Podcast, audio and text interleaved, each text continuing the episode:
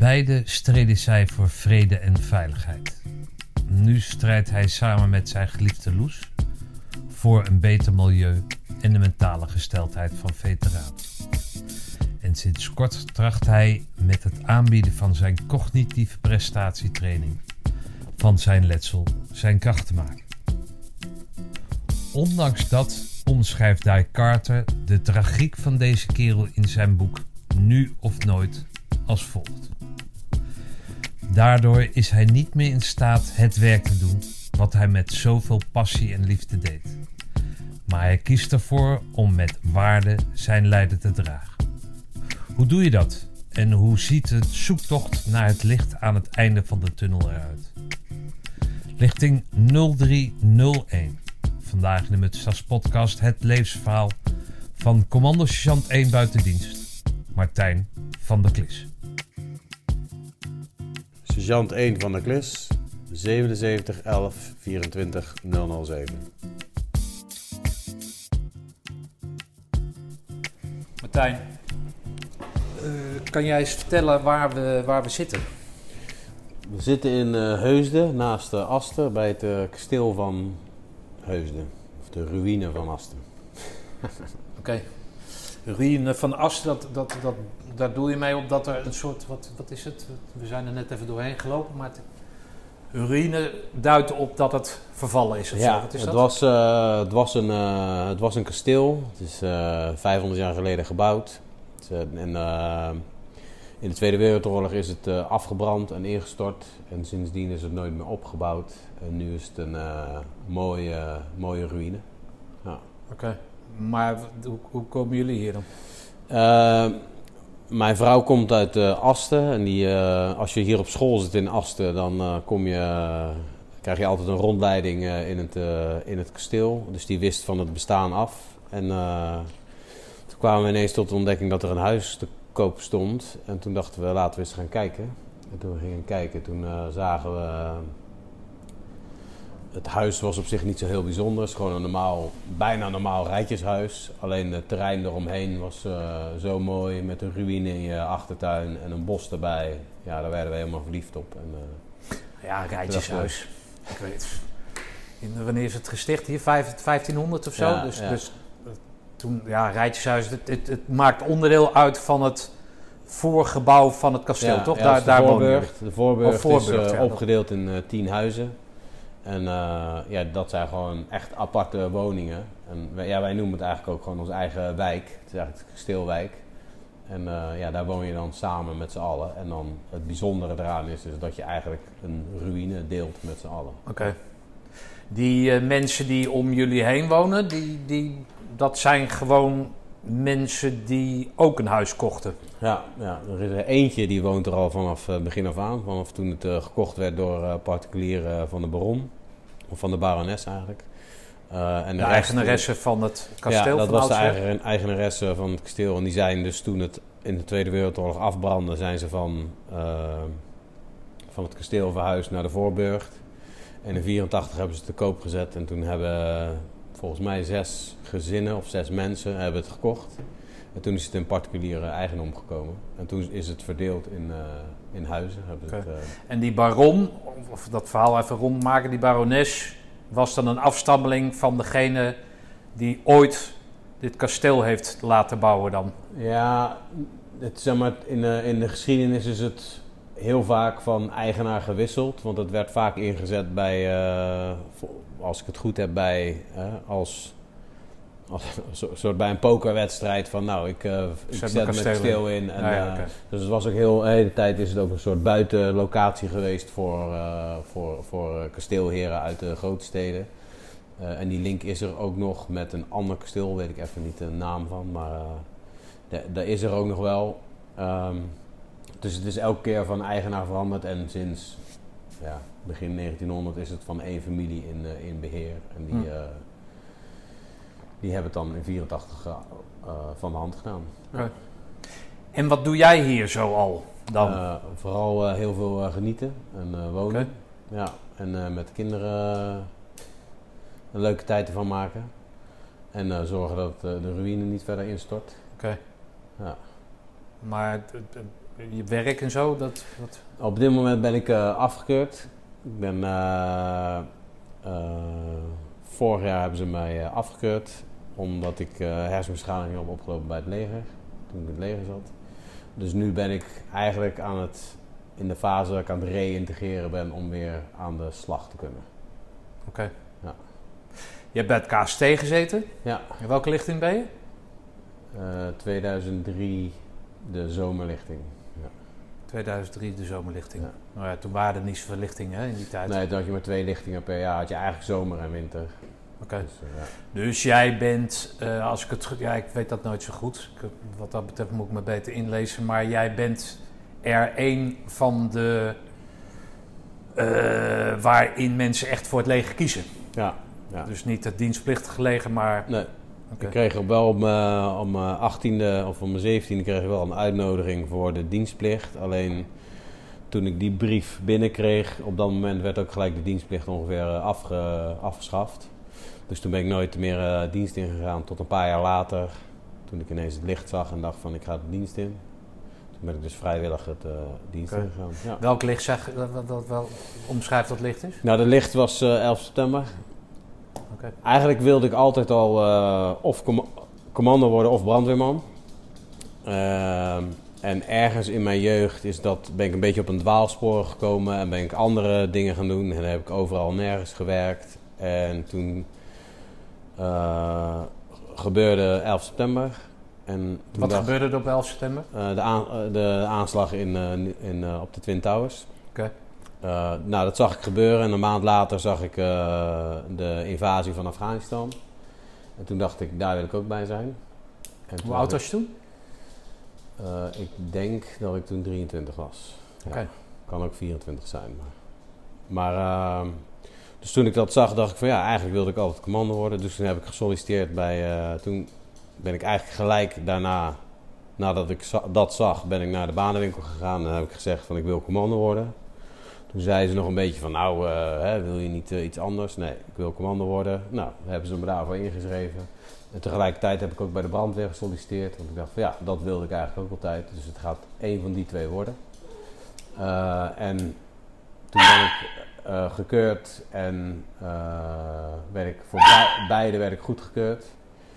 En toen kon ik dus kiezen. En toen was van ja, nee, dan ga ik zeker voor commando's.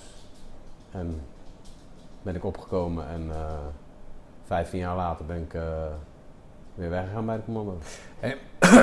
Bij brandweer kan ik me van alles van voorstellen. Eh, Omdat je dat natuurlijk, weet ik veel, nou, dit is de hond. Wat hadden we nou afgesproken precies? Ja, we zouden stil zijn hè? Eh, je hebt Sam de brandweerman. Hè? Dat was vroeger zo'n zo'n zo'n eh, zo'n video-ding. Dus brandweer, dat is actie, dat is vuur, dat is alles laten vallen, blussen. Eh, dat, dat kan ik me dus voorstellen. Maar wat stel jij je dan voor als je die Twin Towers in de, in de fik ziet gaan? Wat, wat, wat is dat dan? Wat trekt jou daar dan in? Nou, niet zozeer, maar snap wat ik bedoel? Ja, nou vooral het avontuur. En eh, eigenlijk, eigenlijk het avontuur. En het jezelf eh, inzetten voor een eh, groter eh, doel eigenlijk. Ja. En ik, we- ik weet namelijk dat ik toen ik nog een kleine jongen was, weet ik niet welk jaar dat is geweest, maar heb ik de film Commando gezien met Arnold Schwarzenegger. Oh ja, dat is wel een goeie. En eh, daarna ben ik fan, ja, dat was een goed voorbeeld van hoe commando eh, is en moet zijn. Daarna was ik helemaal fan van Arnold Schwarzenegger. En ehm, toen dacht ik, ja, ik wil ook commando worden. En dat is altijd in mijn achterhoofd eh, zo gebleven. Natuurlijk verre van de, de realiteit, maar eh, ja, ik ben wel commando geworden. Nou, Frida is even naar huis gebracht. Ehm, nou, kijk, dat avontuur trekt jou dus aan. En dan eh, is Arnold Schwarzenegger is jouw voorbeeld. Ja, En dan loop je af en toe langs de spiegel en dan denk je van... Nou, dat moet dan... Ja, ik wil je niet in het beginstadium van al beledigen. Maar dat, dat, dat oh, qua uiterlijk ziet het er anders uit. Wat, Ja. wat voor verwachting had je dan van dat, van dat hele systeem van dat bedrijf? Ehm, eigenlijk had ik, eh, ik had ooit mijn, eh mijn karateleraar was ook commando geweest. En dat was gewoon, dat, die, die leek niet op eh, Arnold Schwarzenegger. Dus dat was wel meer normaal, een normaal persoon. En een andere jongen waar ik mee samengewerkt had, was ook dienstplichtig commando geweest. Die, eh, dat was ook gewoon een normaal persoon. Dus ik wist wel dat het ook voor normale mensen eh, bereikbaar was. En ik zei tegen mezelf van eh, ik ga het leger in voor, voor het avontuur. En als ik dan begin, dan begin ik bij het allerhoogst haalbare. En dat zijn de commando's. En van daaruit kunnen we altijd nog afzwakken. Maar dat was eigenlijk nooit bespreekbaar. Het was commando of niks eigenlijk. En ik wist van, als ik, iets, als ik me ertoe zet, dan ga ik dat halen. En de eerste keer ben ik uitgevallen is, jouw trouwens. Concept dan, zeg maar, de geleidelijke weg is, is, is jouw weg niet? Nee, ja, inderdaad. Ja. Dus dan maar het he- meest Het eh, begint hoog bovenaan. Begin en als bovenaan. dat Je kan, wordt, dan ja, kan je altijd naar beneden. Maar dan Ja. weet je eigenlijk dat je niet naar beneden gaat. Dus dan... brandweer. Ja, oké. Ja, dat was Ja, je brandweer hebt commando's en brandweerman. Ja, ja, ja. oké. Ja, ja. Ja, wat, Ja. wat heb je meer nodig? Nee, meer heb je niet nodig, toch? Nee. Hey. En dan kom je daar. Eh, kan je dan conformeren aan dat, aan, aan dat leven? Of nou, niet zozeer aan dat leven, maar aan, aan die dingen die daar dan gewoon zijn of zo, weet ik veel. Ik denk dat ik daar... eh, want toen ik opkwam... Ik, heb het, eh, ik ben, ik ben een, in 2003 heb ik mijn beret gehaald. Alleen in 2002 ben ik opgekomen. Alleen toen ben ik uitgevallen met, met een knieblessure. Eh, alleen ik merkte wel dat...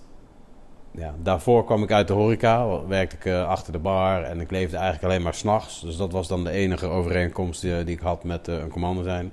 Maar, en ik eh, sportte eigenlijk bijna niet, want ik was eigenlijk altijd aan het werk. Eh, altijd achter de bar, altijd, ja, altijd gezelligheid. En dan kom je ineens in een wereld van discipline, strakke tijden, eh, vroeg opstaan, sporten.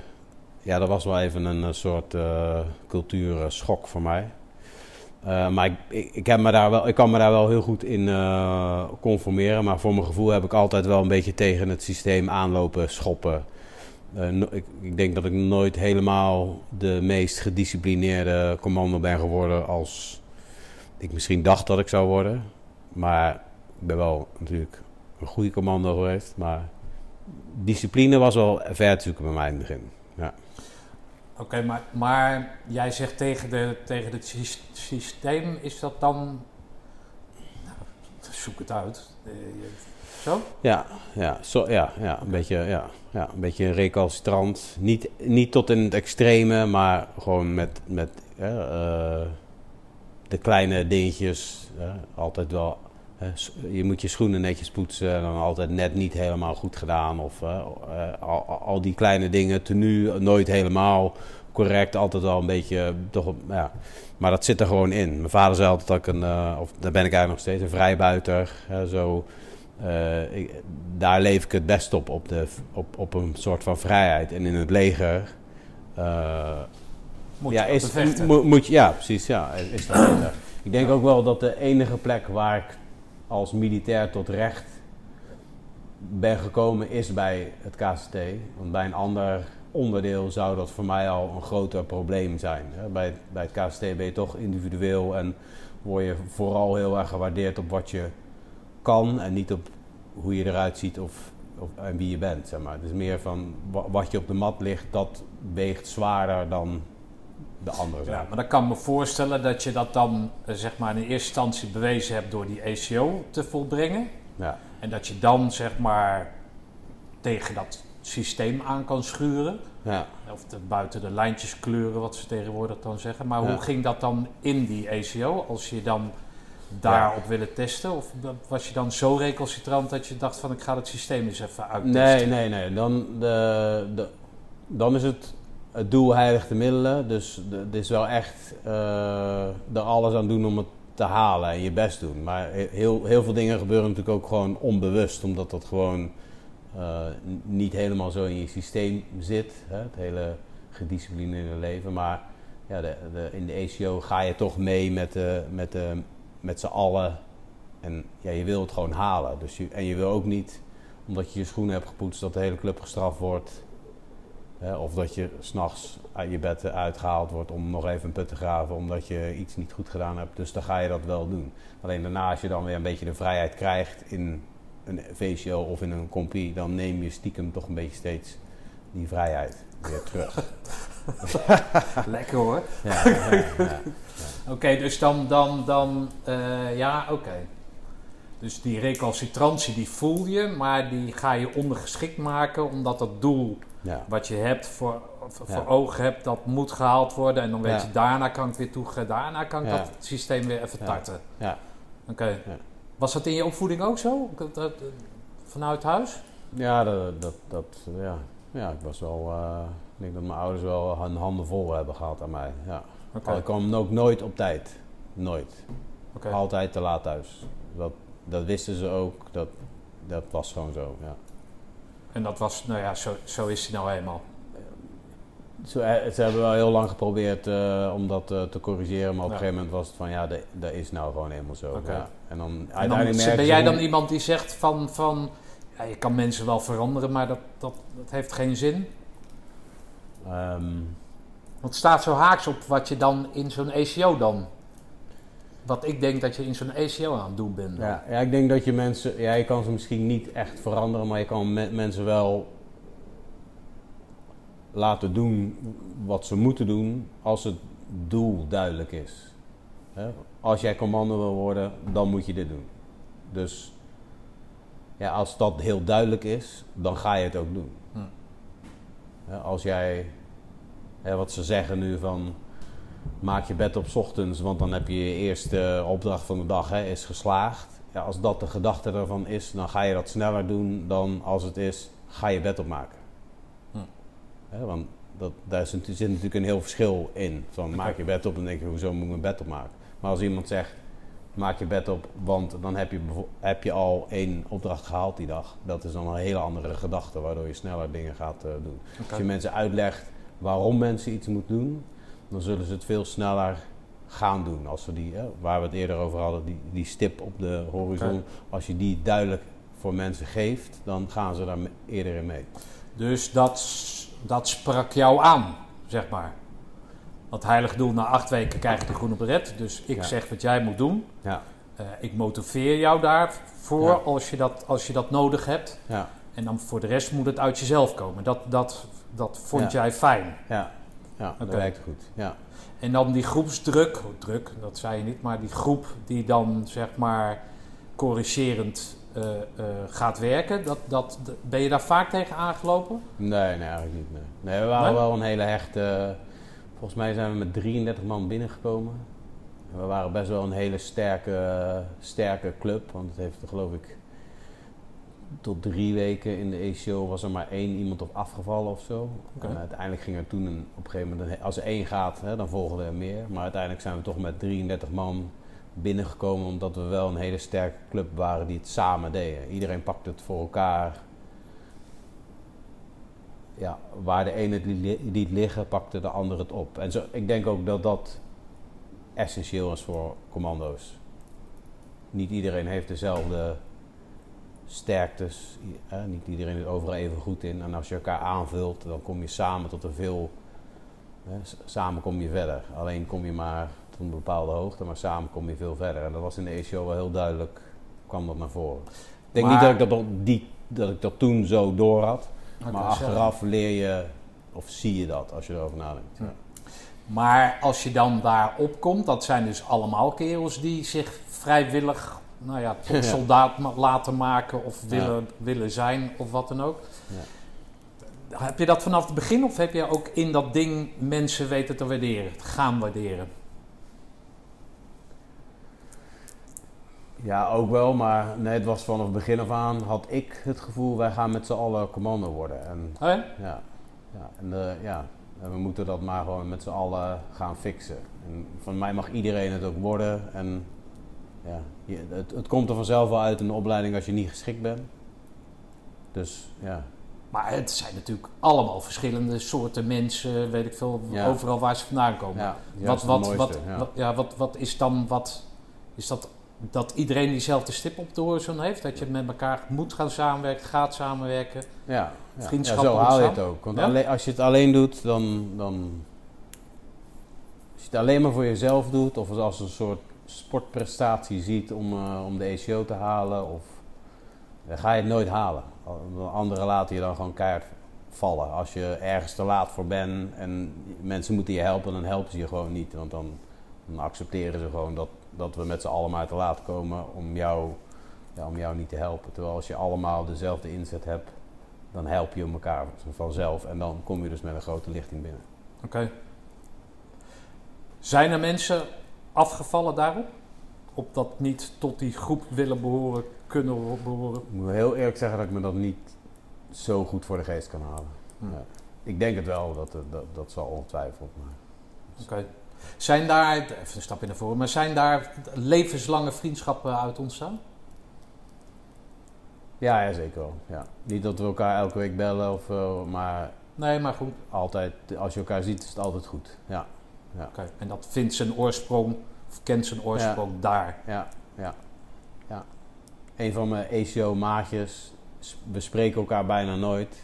Eén keer in de zoveel jaar en dan is het is altijd goed. En we weten, we kunnen elkaar al, altijd op elkaar bouwen, ook al spreken we elkaar niet geregeld. hè. Je hebt allebei een druk leven. En dat, dat, is, dat is ook goed. Weet je, dat, ik denk dat dat ook een, eh, een kracht is. Van, je weet dat het altijd goed zit bij elkaar. Kracht van een vriendschap of kracht van de vriendschap opgebouwd in zoiets als een ACO? Ja, dat, het laatste. Ja. Oké. Ja. Dan kom je er. Dat, wat, wat, wat vonden je ouders daar eigenlijk van? Ja, dat zie je gewoon die Twin Towers, prima. Nou, brandweer, Ja. oké, dat kan hier om de hoek. Vrijwillige brandweer wellicht. Ja, wat wat vonden zij daarvan dan? eh, mijn ouders hebben dat later wel eens eh, verteld. Want die hebben natuurlijk genoeg met mij meegemaakt. Niet extreme dingen of zo. Maar ik heb, ik heb de...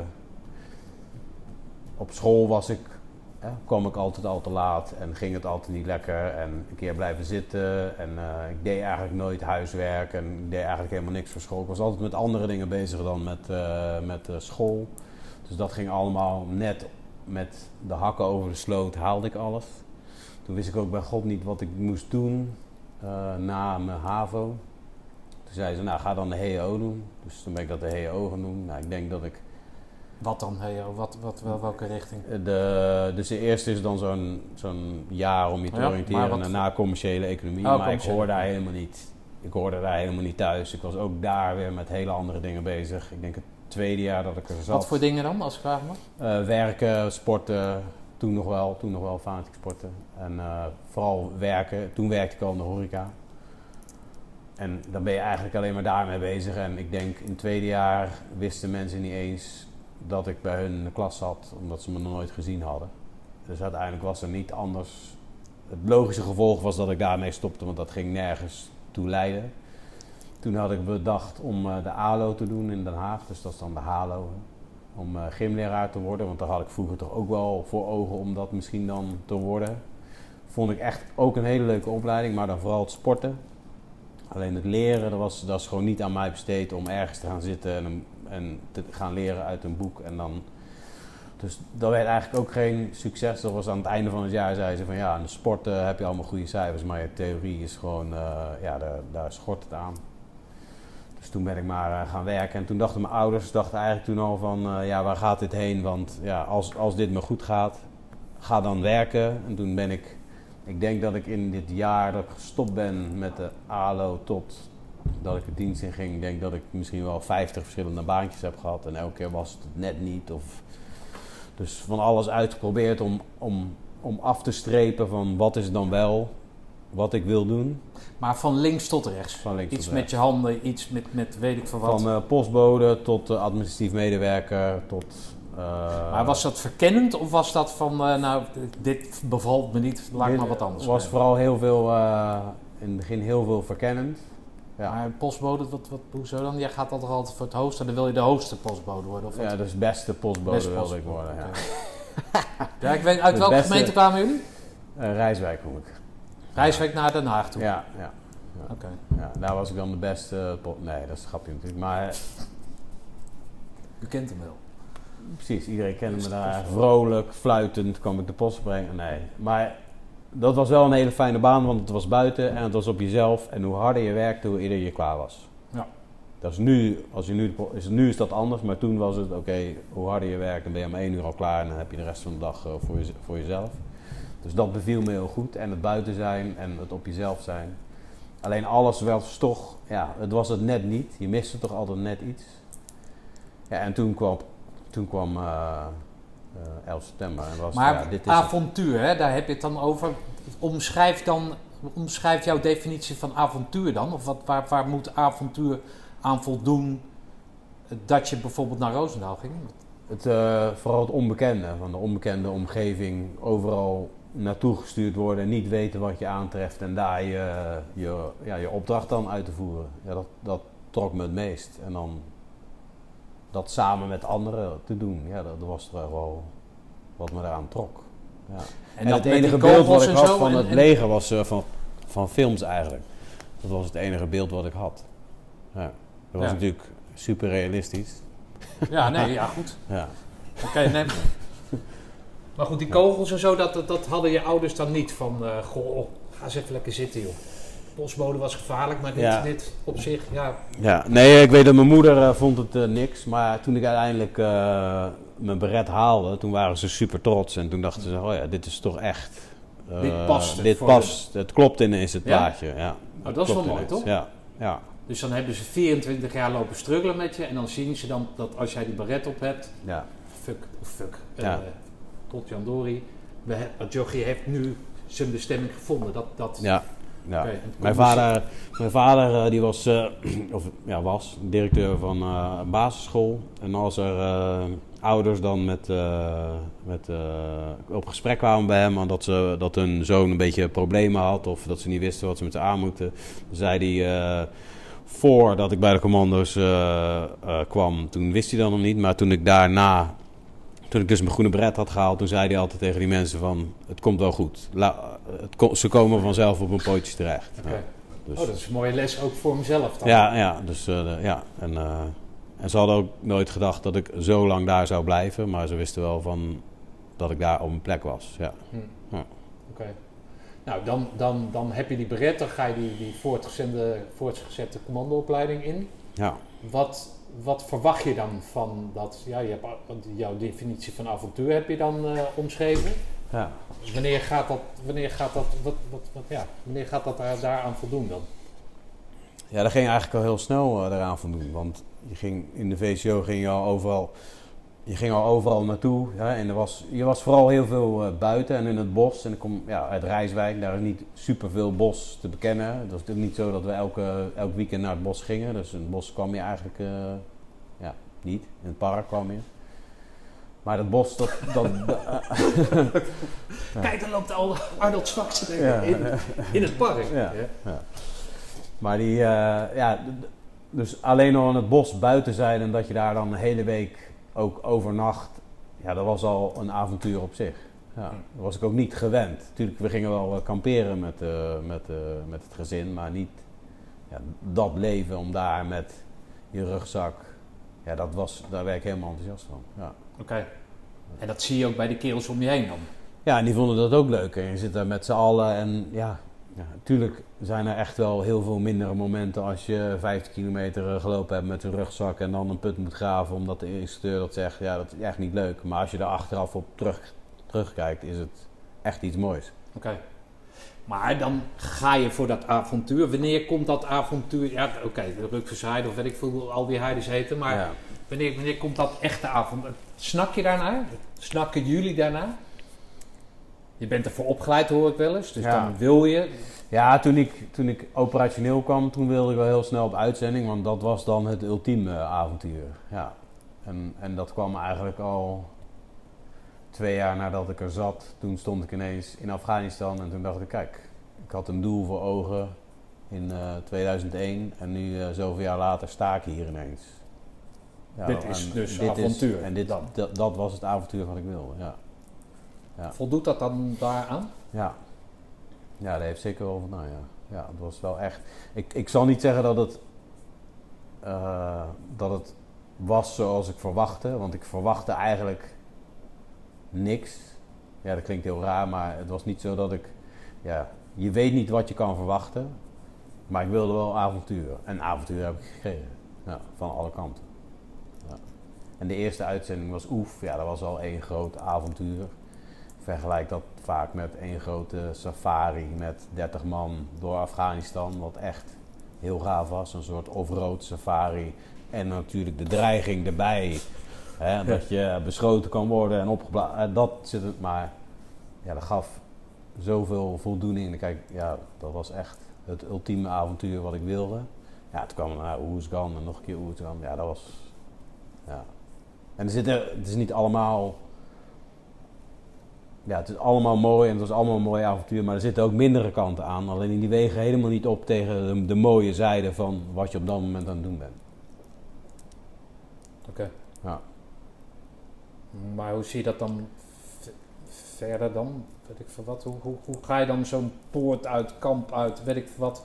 Avontuur, kom maar. Ja, het is wanneer niet is dat avontuur dan? Wanneer is dat avond? Ben je dan blij dat je weer terugkomt of zo? Dat, dat, dat, je, dat je weer veilig bent? Of, of Nee want, het, nee, want het is juist het, het, het daar zijn en het bezig zijn met je werk, waar je dan voor opgeleid bent, dat geeft een voldoening. Hè? Want, want in Nederland ben je dan nog altijd oefeningen aan het draaien. En je wil, je wil als eh, voetballer wil je ook niet altijd maar op de bank zitten en alleen maar trainen en op de bank zitten. Dan wil je ook meedoen met die voetbalwedstrijd. En ineens doe je mee met de Champions League. Ja, dat is, dat is het avontuur. En dan gaat het er helemaal niet om of je beschoten wordt of wat je meemaakt. Maar het daar zijn, iets betekenen. Ja, dat is, dat, dat, dat, dat is het avontuur. Het onverwachte, het, ja. Zit dan naast het avontuur daar ook nog iets van een, een nou stichtelijk wil ik het niet noemen, maar iets van de wereld helpen? Is, is, heb je dat gevoel of gaat het meer over het avontuur? Voornamelijk over het avontuur, maar ik had ook echt wel het gevoel dat we daar de wereld iets beter aan het maken waren. Nu nog? Trouwens? Ik kijk er nu wel anders naar, maar toen was het wat wij dachten het beste om te doen. En achteraf is altijd makkelijk oordelen. Nee, tuurlijk. Maar, Maar toen was dat, het- dachten wij dat het beste. En of daar nou de juiste beslissingen zijn gemaakt of... oh Ja, nee, daar wil ik het helemaal Nee. niet over hebben, maar meer van, van of dat Ja. dan. Toen was dat, Ja, was dat het. Ja. oké. Ben je dan, natuurlijk vind je het leuk, maar voel je ook dat dat tot in je vezels, dat je daarin opglijdt, maar dat je dus ook, hè, jij hebt het over Champions League. Nou, voor mensen die niet van voetbal houden, dat is het, hoogste niveau. Hè, waar mensen die het allemaal. Eigenlijk een Nederlands elftal zit je. je zit Ja, eigenlijk nou ja, precies elftal. dat. Het- het- Voel je dat ook? Ja. ja. Maar behoor je top, tot, tot in de top van, van, van hetgeen wat, wat dat soort eenheden doen? We hoorden bij de, bij de top van Nederland. Ja. We Ja, waren maar- de top van Nederland. Of Ja, we dan van de rest van de wereld. We doen wel mee met de... Ik, ik denk dat we... We kregen niet altijd de operaties die de Amerikanen en eh, de Britten ook eh, kregen. Maar voor Nederland zaten we echt... Ja, we deden echt mee met de wereld. Ja, echt op het hoogste niveau deden we mee. Ja. Dat gevoel heb ik echt wel, ja. Hoe voelt dat dan? Ja, dat voelt gewoon goed. Ja, dat, dat, ja. Je had echt het idee van, nou, nu zijn we, nu horen we erbij, nu doen wij dit ook. Ja. ja. Je hebt altijd een overtreffende trap. Hè. Je hebt altijd, hè, als je voetbalt, dan heb je altijd een club die beter is. Dus dat. En ik weet dat ik toen ook met onszelf veel spiegelde aan eh, een, eh, een Amerikaanse eenheden die dan nog meer extremere dingen deden. En dat je dat eigenlijk ook wilde. Maar voor Nederland, wat we, wat we deden, zaten we echt op het top. En wat, dat, ja. Wat, En wat de Amerikanen deden, eh, dat zouden jullie ook kunnen. Alleen jullie kregen, waren niet in de, ge- kregen Ja. de gelegenheid niet. Ja, ja, jullie kregen die opdrachten niet. Ja, ja. Toe- ja, toegespeeld. Ja, ja, nee, ja, ja. Oké. Ja. Wat verwacht je dan van je leven als je dan midden in dat avontuur zit? Of dat ga je gewoon van dag tot dag of van, Van dag tot dag, minuut? ja. Als Dag je het over eh, mindful eh, hebt, als nu, dan ben je daar op mindful. Ja. Dan ben je bezig met eh, echt het nu. Je wordt, je wordt nu beschoten, dus er is niks anders dan dat. En je bent nu in het veld en je bent nu met je wagen daar. Je bent niet bezig met thuis, je bent niet bezig met anderen. Je bent da- dat aan het doen.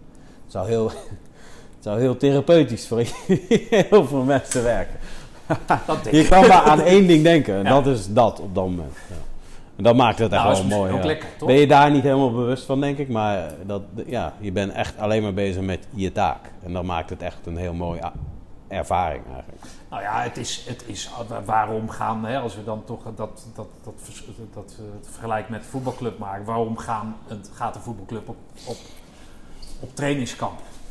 Dan ben je met z'n allen, dan heb je dat groepsverband, word je Ja. niet afgeleid door anderen. Ja, En toch kan je alles inslijpen, dat, dat, dat, ja, dat is daar natuurlijk helemaal. ja. Ben je wel eens bang? Ja, natuurlijk. Ik ben, ben, de- iedereen is wel een keer bang, natuurlijk. Ja. Ja, maar Arnold Schwar- Schwarzenegger niet. Nee, die niet. Maar dat is dan echt de enige op deze aardbodem die nooit bang is. Ja. Ja. Nee, maar iedereen is wel eens bang. Het is hoe je ermee omgaat, maar Nou, hoe ga je ermee om dan?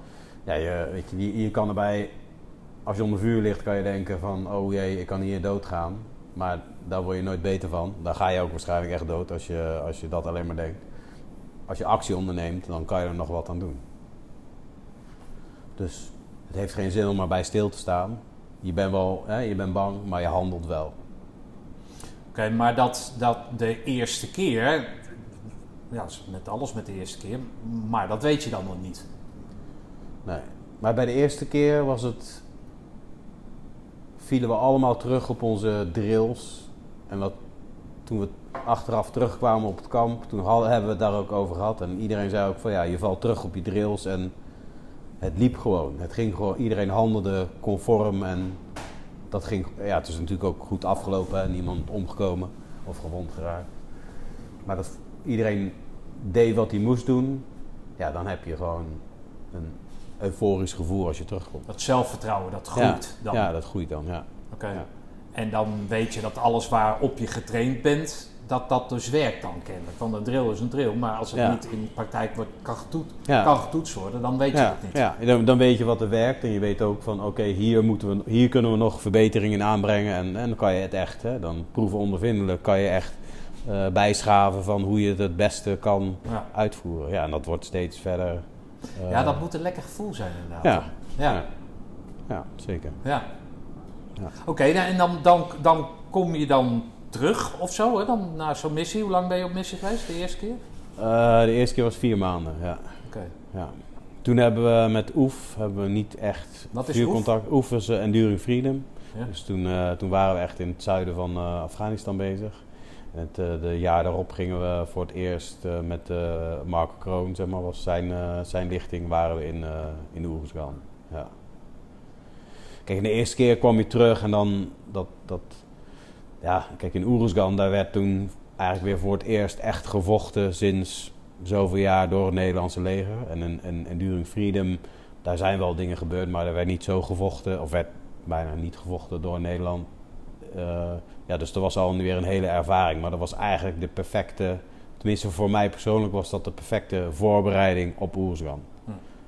Ik heb daar heel veel aan gehad, want ik hoefde me niet meer bezig te zijn met de basisdrills. En eh, ik wist hoe een uitzending ging. En dan het jaar erop kwam je en dan kwam er het vechten eigenlijk bij. Daar kwam het eigenlijk Ja. neer. Ja. Ja, je bent natuurlijk al zeg maar onder spanning gebracht. Je weet wat het Ja. met jou doet. Ja. En, en dan ga je steeds een trapje hoger. Ja, daar kan Ja. me alles bij, Ja. bij voorstellen Ja. inderdaad. Dus zou, elke keer dat je daarna er weer komt, je- kom je natuurlijk iets beter terug. Oké.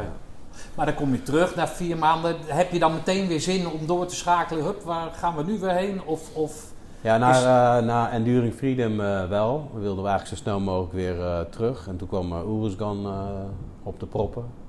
En bij Oeruzgan, dus bij... vertel eens, wat was in Oerskan aan de hand? Eh, nou ja, daar, daar, werd Nederland gewoon naar eh, toegestuurd, want dat moest eh, eigenlijk bevrijd worden van de Taliban. Ja, dat, dat is eigenlijk waar heel Afghanistan om draaide. En daar werd natuurlijk Nederland samen met Australië- Australiërs werden daar verantwoordelijk voor. Dus toen, toen we daarvan terugkwamen, toen, ik ben daarvan eerder teruggestuurd omdat de vrouw van mijn broer was overleden. Dus dan ben ik de laatste twee weken van de uitzending ben ik eerder teruggegaan. Dus dan kom je al met een heel ander gevoel thuis. Dat is natuurlijk, ja, een stuk logisch, want er Ja. is iemand heel dichtbij overleden. Dus je komt, dat is denk ik wel het meest, een van de meest indrukwekkende momenten geweest in mijn leven. Dat ik in de Shora-vallei stond en dat eh, Marco naar me toe kwam en vertelde dat eh, ja, Pascal, dus de vrouw van mijn broer, was overleden. Eh, dan sta je daar helemaal omgehangen, klaar om de actie in te gaan. Want we waren net klaar om die avond een actie in te gaan. En dan voel je je ineens zo sterfelijk eigenlijk. Dat, zo, dat maakt zoveel impact. En ik wist ook niet hoe ik dat nou moest verwerken. En toen zei eh, Marco tegen mij van, eh, ja, of, of, eh, of je blijft en we sturen je later naar huis, of we sturen je naar huis. Maar hè, ga maar even, neem maar even de tijd. Ja, hij zei er niet bij dat ik eigenlijk geen keuze had, dat zij al de keuze voor mij gemaakt hadden. Want je kan zo'n keuze zelf niet maken. Want je moet je maten, laat je achter, wat natuurlijk pijn doet. Maar je hebt ook gewoon je thuis, wat hartstikke belangrijk is. Dus dan word je vanuit, is, vanuit de Shorravallei word je van, de, van, je van je maatjes, waar je eh, vier maanden lang al alles mee doormaakt, word je weggehaald. Word je in een heli gezet, word je s'nachts ja, met donker word je opgepikt, word je ineens naar uh, en Koud gevlogen. Daar staat de commandant. Je moet je spullen pakken. En 24 uur later sta je helemaal verwilderd thuis uh, bij je ouders op de stoep met intens verdriet. Dat is het meest onrealistische wat je ooit kan meemaken. Wat een. Dat, uh, iemand verliezen is, is, is, is, is heel erg. Alleen die hele situatie was voor mij zo. Omdat je, je komt uit zo'n compleet andere wereld. En je komt dan ineens in zo'n intens verdriet. Die, die koppeling, daar heb ik echt een tijdje last in mijn eigen hoofd last van gehad. Even voor, de, voor mijn beeldvorming, is zij uit het leven gerukt? Of, of? Zij uh, had uh, cystic fibrosis, dus ze had uh, thigh-slime longziekte. Okay. En zij werd, was echt de meest ja, een, een, van de meest positieve vrouwen die ik ooit ontmoet heb. Die was zo vrolijk altijd. En, uh, en zij zou nieuwe longen krijgen, want dat had ze nodig om te kunnen overleven. En zij lag dus op de operatietafel voor nieuwe longen. En toen heeft haar hart het begeven. Okay. En toen zei de arts, heeft later gezegd van ja, ze heeft eigenlijk... Dat hart was zo sterk dat alleen dat... Ja, ze was eigenlijk al zo slecht, maar dat hart heeft haar er doorheen geholpen en uiteindelijk is haar hart ermee gestopt. En hebben ze, uh, ze hebben nog wel de longtransplantatie door laten gaan, dus ze heeft uiteindelijk wel haar nieuwe longen gekregen, tenminste zo heb ik het begrepen. Alleen daar was ze dus overleden. Ja, dat was natuurlijk, dat zag eigenlijk, natuurlijk een operatie is altijd met gevaren, maar niemand zag dat echt zo aankomen. Uh, ja, en dan, ja, voor mijn broer was dat zo heftig, ja, dat kan je niet, hè, ook al sta je er nog zo dichtbij, dan nog kan je dat niet voorstellen. Dat is hoe heftig dat is. Dus dan, ja, dat komt als donderslag bij heldere hemel. Ja. Dus dan sta je daar, dan ben jij eigenlijk de hele tijd met de dood bezig daar? Of het, ja, ja. De, de, randen opzoeken ja. daar? En ineens word je ineens bewust van, oh, aan de andere kant van de waar wereld. eigenlijk alles goed zou moeten zijn, word je in één keer geconfronteerd, ondanks dat ze ziek is, ja. word je geconfronteerd met dat, met dat verlies. Ja, dat lijkt mij, lijkt mij moeilijk inderdaad. Ja. dat was het ook. En dan zeg jij dat je daar van dat gegeven heb je een tijd last gehad? Ja, ja, want je hebt een soort tweestrijd. Want je hebt je maten achtergelaten en je bent in dat verdriet gekomen. En ik ben ook... Je hebt uh, altijd, als je van uitzending terugkrijgt, dan heb je zo'n recup-periode. Hè, om even uh, tot, te, jezelf te komen. tot jezelf te komen. En die sla je dan ineens over en dan kom je ineens in, in intens verdriet. Uh, dus ik ben wel groot voorstander van de, van de recup, om dat altijd te hebben. Tuurlijk, als er iets gebeurt moet je gewoon zo snel mogelijk naar huis, maar... Je ziet nu de waarde ervan in. Ja, ik zie de waarde ja. ervan in van hey, even tot jezelf. En ook al is het alleen maar dom zuipen en samen zijn. En ja. denkt iedereen van wat een onzin, ik wil gewoon naar huis. Dit is eigenlijk een heel belangrijk onderdeel, want je moet die stoom, die moet even eraf. Want dan kan je dingen veel beter verwerken.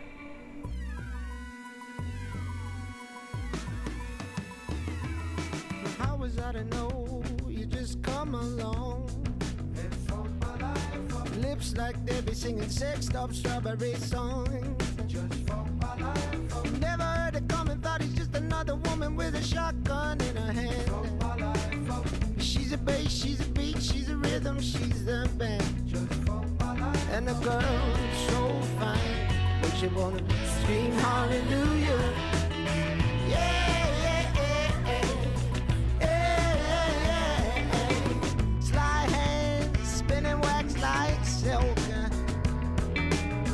dripping on me like spider milk. And I never heard the warning when I woke up in the morning with my sunshine on a drip. She's my rock, she's my bud, she's tequila, she's the trip. And the girl so fine. Makes you wanna scream hallelujah.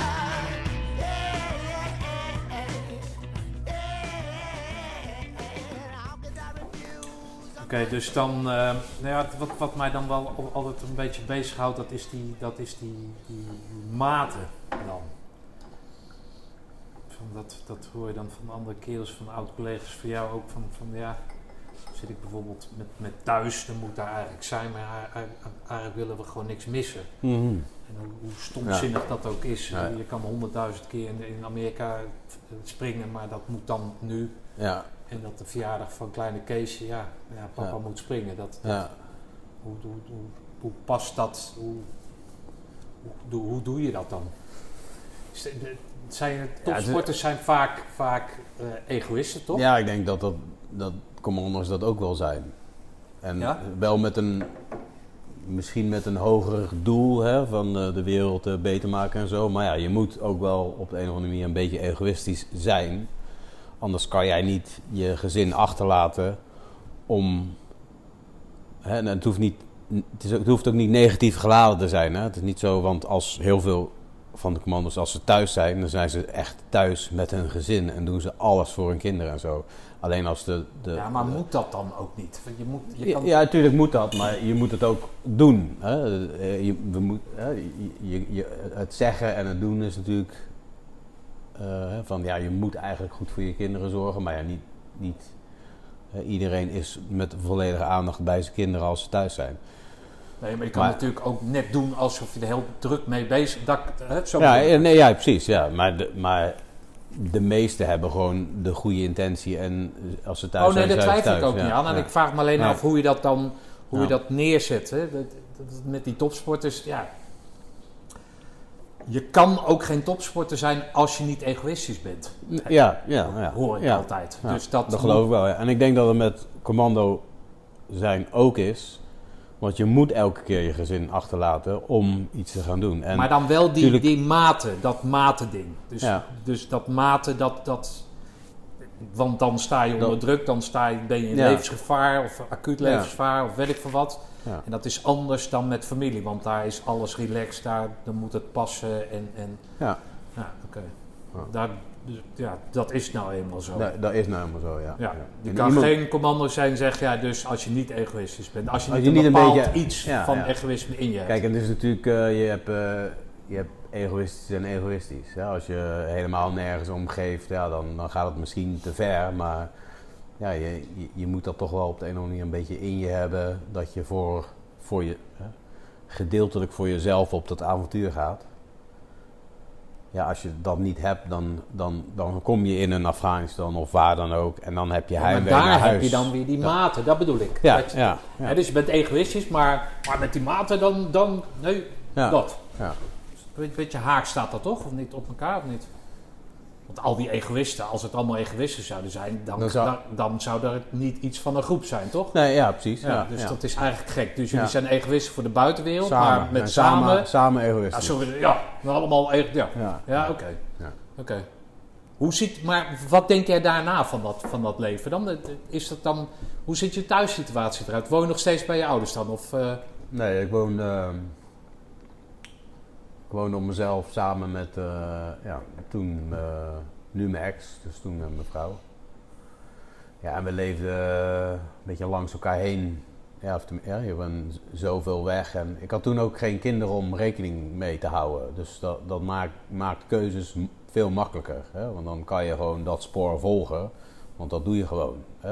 Je hoeft niet, ik hoefde geen kinderen uit te zwaaien. En dus voor mij waren die opties veel makkelijker om te maken. De keuzes. Ik hoef, ja, weet je wel. heeft ze jou leren kennen voordat je militair was? Of- Ja, eh, drie weken ervoor of zo. Dus eh, Oh. niet echt. of- Ze heeft wel kunnen genieten van Nee, heel even, ja. Dus ze wist ook niet beter, zeg maar, dat het zo ging op een gegeven moment. En wat dat was voor ook iemand goed zo. past Alleen, dan? wat voor een vrouw past dan bij, bij zo'n militair? ja, Want hoe vaak waren jullie weg? 52 weken in een jaar? nee, ja, nee, laat zeggen 30 weken in het jaar of zo ben je weg. Door de week was ik sowieso altijd op de kazerne natuurlijk. ging niet zo vaak eh, heen en weer rijden. het, is dan, ja, het is maar een uur rijden, maar het is toch een uur rijden hè, heen, eh, dus, eh, dus heen. Dus dan bleef je op de kazerne. Dus dan ben je al een hele week weg, ben je alleen in het weekend thuis. Dus dat, dat, ja. En in het weekend speel je dan, zeg maar, hè, de, de intentie heb je dan wel om een goede echtgenoot of partner te zijn. Ja. Maar je doet het vooral dat spelen. De intentie is goed, wat je net zei over de Ja. kinderen, maar, maar. Of niet? Dus ja. dat past dan op een gegeven moment gewoon niet meer. Ja, weet ik niet. Ik, ik- nee, ja. Ik zie het niet als eh, dat je het speelt thuis. Je, je bent daar ook dan echt. Ja, een uur rijden, man. Wat, hoezo? Je gaat helemaal naar Afghanistan. Waarom zou je dan niet een uur naar huis kunnen rijden? En een uur, dan moet je een uur eerder op, Ja, volgende dag. ja. ja, soms doe je dat ook wel eens. Maar die hoef je niet elke dag, eh, Nee, niet elke dag een niet uur. verwennen natuurlijk. Nee, precies. Je moet ook een beetje, je moet ook een beetje bijzonder blijven dat je thuis komt. Is dat hem? Ja. Is dat hem? Hmm. Oké. Nee, dus dat is, dat is, dat, dan valt alles in dat, nou egoïsme, daar wil ik er niet de nadruk op leggen, maar dan valt alles in het uitvoeren. Je bent dus op en top. Bezig met je vak. Ik weet dat bij mij was 15 jaar lang heeft het alleen maar om commando zijn gedraaid. Ja, Om niks anders dan dat. oké. Ja. En, de, en de laatste jaren, toen heb ik ook een kind gekregen, toen is dat al veranderd. En natuurlijk met mijn hersenbeschadiging erbij, maar ja. Dat, he- alles stond in het thuis ook. Alles stond in het teken van eh commando zijn. Ja. Maar als je dan op de kazerne bent, je hebt gewoon kazernedienst of weet ik veel hoe je dat noemt. Waar ontspan je je dan mee? Filmpje of zo? Of, of Eh, ja, bier? film Of- kijken of bier of eh, samen iets doen of samen een potje voetballen of sporten. Of, Maar altijd met die stap kerels of, weer? ja, ja, ja, ja, daar op ja, ja. Stond Ja, je dus- dan niet af dan? In dat groepsding. Dat je niet met gewone mensen praat. Nee, je praat ook wel met. Ja, tuurlijk praat je ook met gewone mensen. Of om- omdat gewone mensen klinkt wel heel onaardig natuurlijk. Maar gewoon, je, je praat met, met iedereen. Alleen, Hoezo? Je bent op het kazerne, daar praat je toch- het, is, het is ook, het is gewoon je vriendenkring. Dus het is daar, dat is gewoon je leven. Dus Ja, dat snap ik, niks- maar dat zijn allemaal dezelfde soort mensen. Nou ja, geworden. Het, het, het, je, hebt, eh, je hebt eh, de overeenkomst is dat je allemaal commando bent, maar het zijn gelukkig allemaal ander type mensen. Iedereen kijkt anders naar, op, op- naar het leven dan de ander. Je hebt alleen een gemeenschappelijke eh, doel of ja, gemeenschappelijke factor, is dat je commando bent en voor hetzelfde streeft. Maar iedereen is anders en je leert van elkaar. Je, je, je, kan met van alles over elkaar praten. En met de een praat je, eh, met de een doe je poker en met de ander praat je over eh, hoe het thuis gaat. En, dus Ben jij een prater? nee, nee, Oké. nee. Nee. Het kan ook een hele korte podcast worden. In principe ben Nee, maar dat, ben jij transparant? Dat loop Ja. jij naar een kerel toe en zegt: Fuck joh, wat er nou gebeurd is. Dat? Ja, ik ben wel. eh, what you see is what you get. Dus mm, ik ben heel duidelijk in eh, hoe. Ja, in, in, ja, ik spreek alles wel uit. Oké. Ik heb daar niet echt een barrière voor. Dus als je ergens mee zat, dan Ja, zoekt. of als ik wat van jou vind, of, eh, dan zeg ik dat ook wel. Ja, ja. En jij vindt ook dat dat moet. ja, het maakt jij het wel zegt, eh, als ik van iemand wat vind, dan loop jij erop af. Ja. Want dan dat ook weer in dat groepsbelang. Nu zitten we op de kazerne, wil jij nog een biertje? Ja, maar als wel- we daar zitten, dan, dan moeten wij van elkaar afweten hoe we over elkaar denken. Want anders, Het is niet zo dat ik overal rondloop en tegen iedereen maar eh, zeg uh, Daarom ik ben je dan van die vent. En, eh, Afgelegen. ja, precies, een beetje afgelegen hier, dan hoef ik dat niet meer te doen. Ja. Nee, de- het is niet dat ik dat de hele tijd doe, maar mensen waar ik, die dichtbij mij zijn of waar ik omgeving, dan, dan heb je het gewoon. Ja, dan, dan, dan vind ik alles moet gewoon bespreekbaar zijn. Alle, andersom ook, want daar, daar, leer, daar leer je van. Anders leer je, als ze altijd maar zeggen van, eh, ja nee, het gaat goed, eh, je doet het goed, hè, dan wat, wat leer ik daar nou van? Ik kan beter zeggen van, nou, eh, je kan beter hier aan werken, want ik denk dat dat beter overkomt. Ja. Ja. hey, door, door wie worden jullie gecoacht in binnen, binnen zo'n eenheid? Ja, het is natuurlijk een beetje door de oudere operators, die coachen de nieuwere operators. Maar dat vindt zijn eigen weg wel een beetje. Dat, dat, je, je trekt toch een beetje naar degene die, waar je dan het meest... Je, je, zoekt je eigen Arnold Schwarzenegger eh, eigenlijk in het, eh, in het gebeuren. Hè? Dat, dat gaat uit, automatisch van, oh ja, die, daar kan ik op dat gebied het meeste van leren. Ja, want echt zo- coachen word je niet, tenminste toen ik, word je niet echt gecoacht. Je kijkt gewoon van hoe doen anderen het en je hebt, hè, je hebt gewoon bepaalde ervaren mensen en dan kijk je gewoon hoe hun het doen en die nemen je een beetje ook mee, leggen je dingen uit. Dus dat, dat gaat zo vanzelf, tenminste zo is mijn ervaring, dat gaat allemaal zo vanzelf, word je meegenomen in het, in het geheel. Oké. Nee, maar vroeger uit mijn tijd, hè, dienstplichtig natuurlijk, dat was een, iemand met een streep meer, die wist het. Dan, ja, maar dat is dan het recalcitrante bij mij, dat, ik, dat, hoef- dat jij een streep meer hebt, betekent niet dat jij degene bent die mij alles kan vertellen en uitleggen. Dat betekent niet dat je, want voor een streep meer hoef je eigenlijk niet zoveel te doen. Dus het klinkt heel onaardig, maar als je corporaal bent, dan ga je naar de KMS en word je sergeant. Maar die, van die een op die andere dag dat jij, ben je dan, ja, je hebt geleerd op de KMS, eh, je krijgt er wel kennis bij, maar ben je dan als je terugkomt een, een betere commando? Of, of dat- dat zegt niks. Je bent door je handelen, door hoe je handelt en hoe, hoe, hoe, je, hoe je denkt, dat maakt jou de betere commando. Dus bij wijze van spreken kan een, mijn voorbeeld toen ik bij het KST kwam, kan gewoon een corporaal zijn of, of, of kan een kapitein zijn. Dat- want die rang, Nee, die maar dat doet bedrijf is ook. Nee, ik probeer alleen maar aan te geven Ja, dat dat ja. bedrijf veranderd is. Alleen ik vraag me dan af hoe dat bedrijf dan zo in elkaar zit dat je dat dan zelf kan kiezen. Of dat je iemand krijgt toegewezen waarvan jij denkt: van, ja, jij gaat mij dingen vertellen, vriend. Ik ben daar en daar geweest, jij bent daar niet geweest. Dat bedoel ik. Hoe, hoe ziet dat bedrijf er op dat moment uit? Ja. Toen ik erbij kwam, dat bedoel je dan? Of gewoon Nou, sowieso gewoon op, op dat moment dat jij daar zit. Nou ja, kijk, je komt in een ploeg. Na je VCO kom je, hè, in de, in de ECO, VCO heb je gewoon je instructeurs. En dan heb je de ervaren militairen die van een andere eenheid waar je nog van kan leren. Hè. Ik kwam als burger, dus, dus ik wist helemaal niks van militair. Dus dan kan je mooi optrekken aan de militairen. Dus je zoekt dan je eigen voorbeelden. Plus je hebt je instructeurs. En dan kom je in een compie en dan heb je er wat ervaren sergeanten. Hè, want je spiegelt je dan een beetje aan de onderofficier. Omdat ja, een officier is de ploegcommandant. Ja, daar heb je dan geen echte... eh, ja, die, jouw taak is anders. Hè. Je hoeft niet een ploeg aan te sturen. Je moet gewoon een poppetje zijn in een ploeg. Dus dan ga je kijken hoe je dat... Dus dan zoek je zelf... Dan heb je meestal de plaatsvervanger. Dan, hè, de meest ervaren eh, sergeant moet dat dan zijn.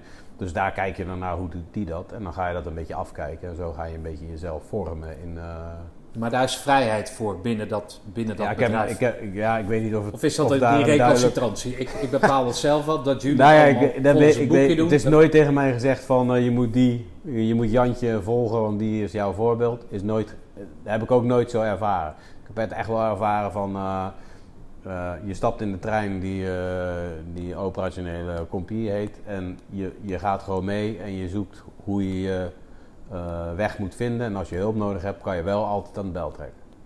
Zo heb ik het, zo heb ik het persoonlijk ervaren. Oké. Ja. Waar was jij goed in?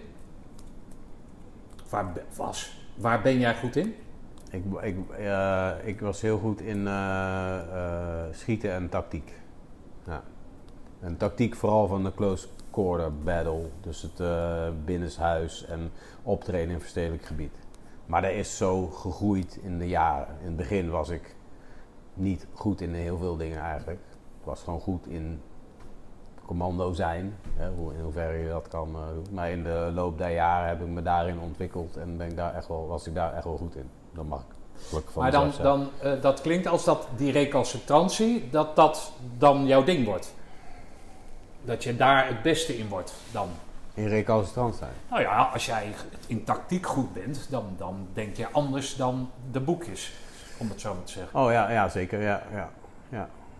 ja maar ik, de- mijn gedachte was wel van eh, bijvoorbeeld de CT-opleiding. Die, die was op een bepaalde manier. Contra-terreur. Contra-terreuropleiding. Ja. Dus, het- dus het eh, oplossen, hoe lo- los je een gijzeling op of hoe pak je een eh, high-value target op. Of, hè, dus, dus het optreden in verstedelijk gebied, laten we het zo noemen. Ja, dan ga je kijken wat werkt het beste en dan ga je naar andere opties kijken. Je gaat naar andere landen kijken, je gaat dingen bedenken. En ja, je, je moet je niet vastzetten in, ja, dit doen we altijd al zo, dus moet het zo blijven. Nee, maar hè, waarom doen we dit? Ja, en als dan het antwoord is, dit doen we altijd al zo, kunnen we die eh, tactiek schrappen, want dat is niet een goed antwoord. Er moet een gedachte achter zitten. En die gedachte moet goed zijn. En niet voor mij per se goed zijn, maar dat, hè, dat doe je, kan je gewoon samen eh, over hebben van is dit de goede gedachte? En dan, dan, als dat niet, dan pas je hem aan. En dan zoek je naar de juiste en dan ga je dat uitproberen. En zo vind je, vind je de juiste weg. Zo, zo moet het werken. Dus na, naast die recalcitrante kant heb je dus ook een creatieve kant. Ja, ja. Ja, of, nee? Ja, ja zeker. Ja. Ja? was best creatief waren wij. In het, eh, toen, ik in, toen ik bij de ST-instructie kwam, toen waren we met een clubje van hele creatieve geesten die allemaal eh, hetzelfde doel hadden. En daarmee hebben we voortborduurd op wat er al lag om het nog beter te maken. Dat was ook onze insteek. Van hé, we gaan dit nog beter maken. Hoe kunnen we dit nog beter maken? Hè? Wat kunnen we nog aanpassen? En dat, dat is een doorgaand proces. Het kan, de wereld verandert, oorlog verandert, het optreden verandert. Dus alles moet veranderen, alles moet meegaan. Je moet het niet veranderen om het veranderen. Maar je moet met een bewuste reden hebben en goed bij jezelf nadenken waarom gaan we dit zo doen. Oké. We hebben bijvoorbeeld, wat we op een gegeven moment merkten, was. We hadden gasten getraind in een bepaalde procedure. En dat trainden we elke dag weer, elke dag weer, elke dag weer. En dan brachten we ze naar een ander gebouw waar de situatie anders was. En dan liepen ze een beetje vast. En toen, dachten, toen vroegen we ons af hoe dat nou kwam. En dan- ja, de- omdat je het elke keer op hetzelfde plek doet, leer je gewoon een aap een trucje. Hm. Maar je moet niet een aap een trucje leren, je moet een principe aanleren. Dus toen zijn we in de opleiding meer op, op, het, op de principes van close quarter battle gaan zitten.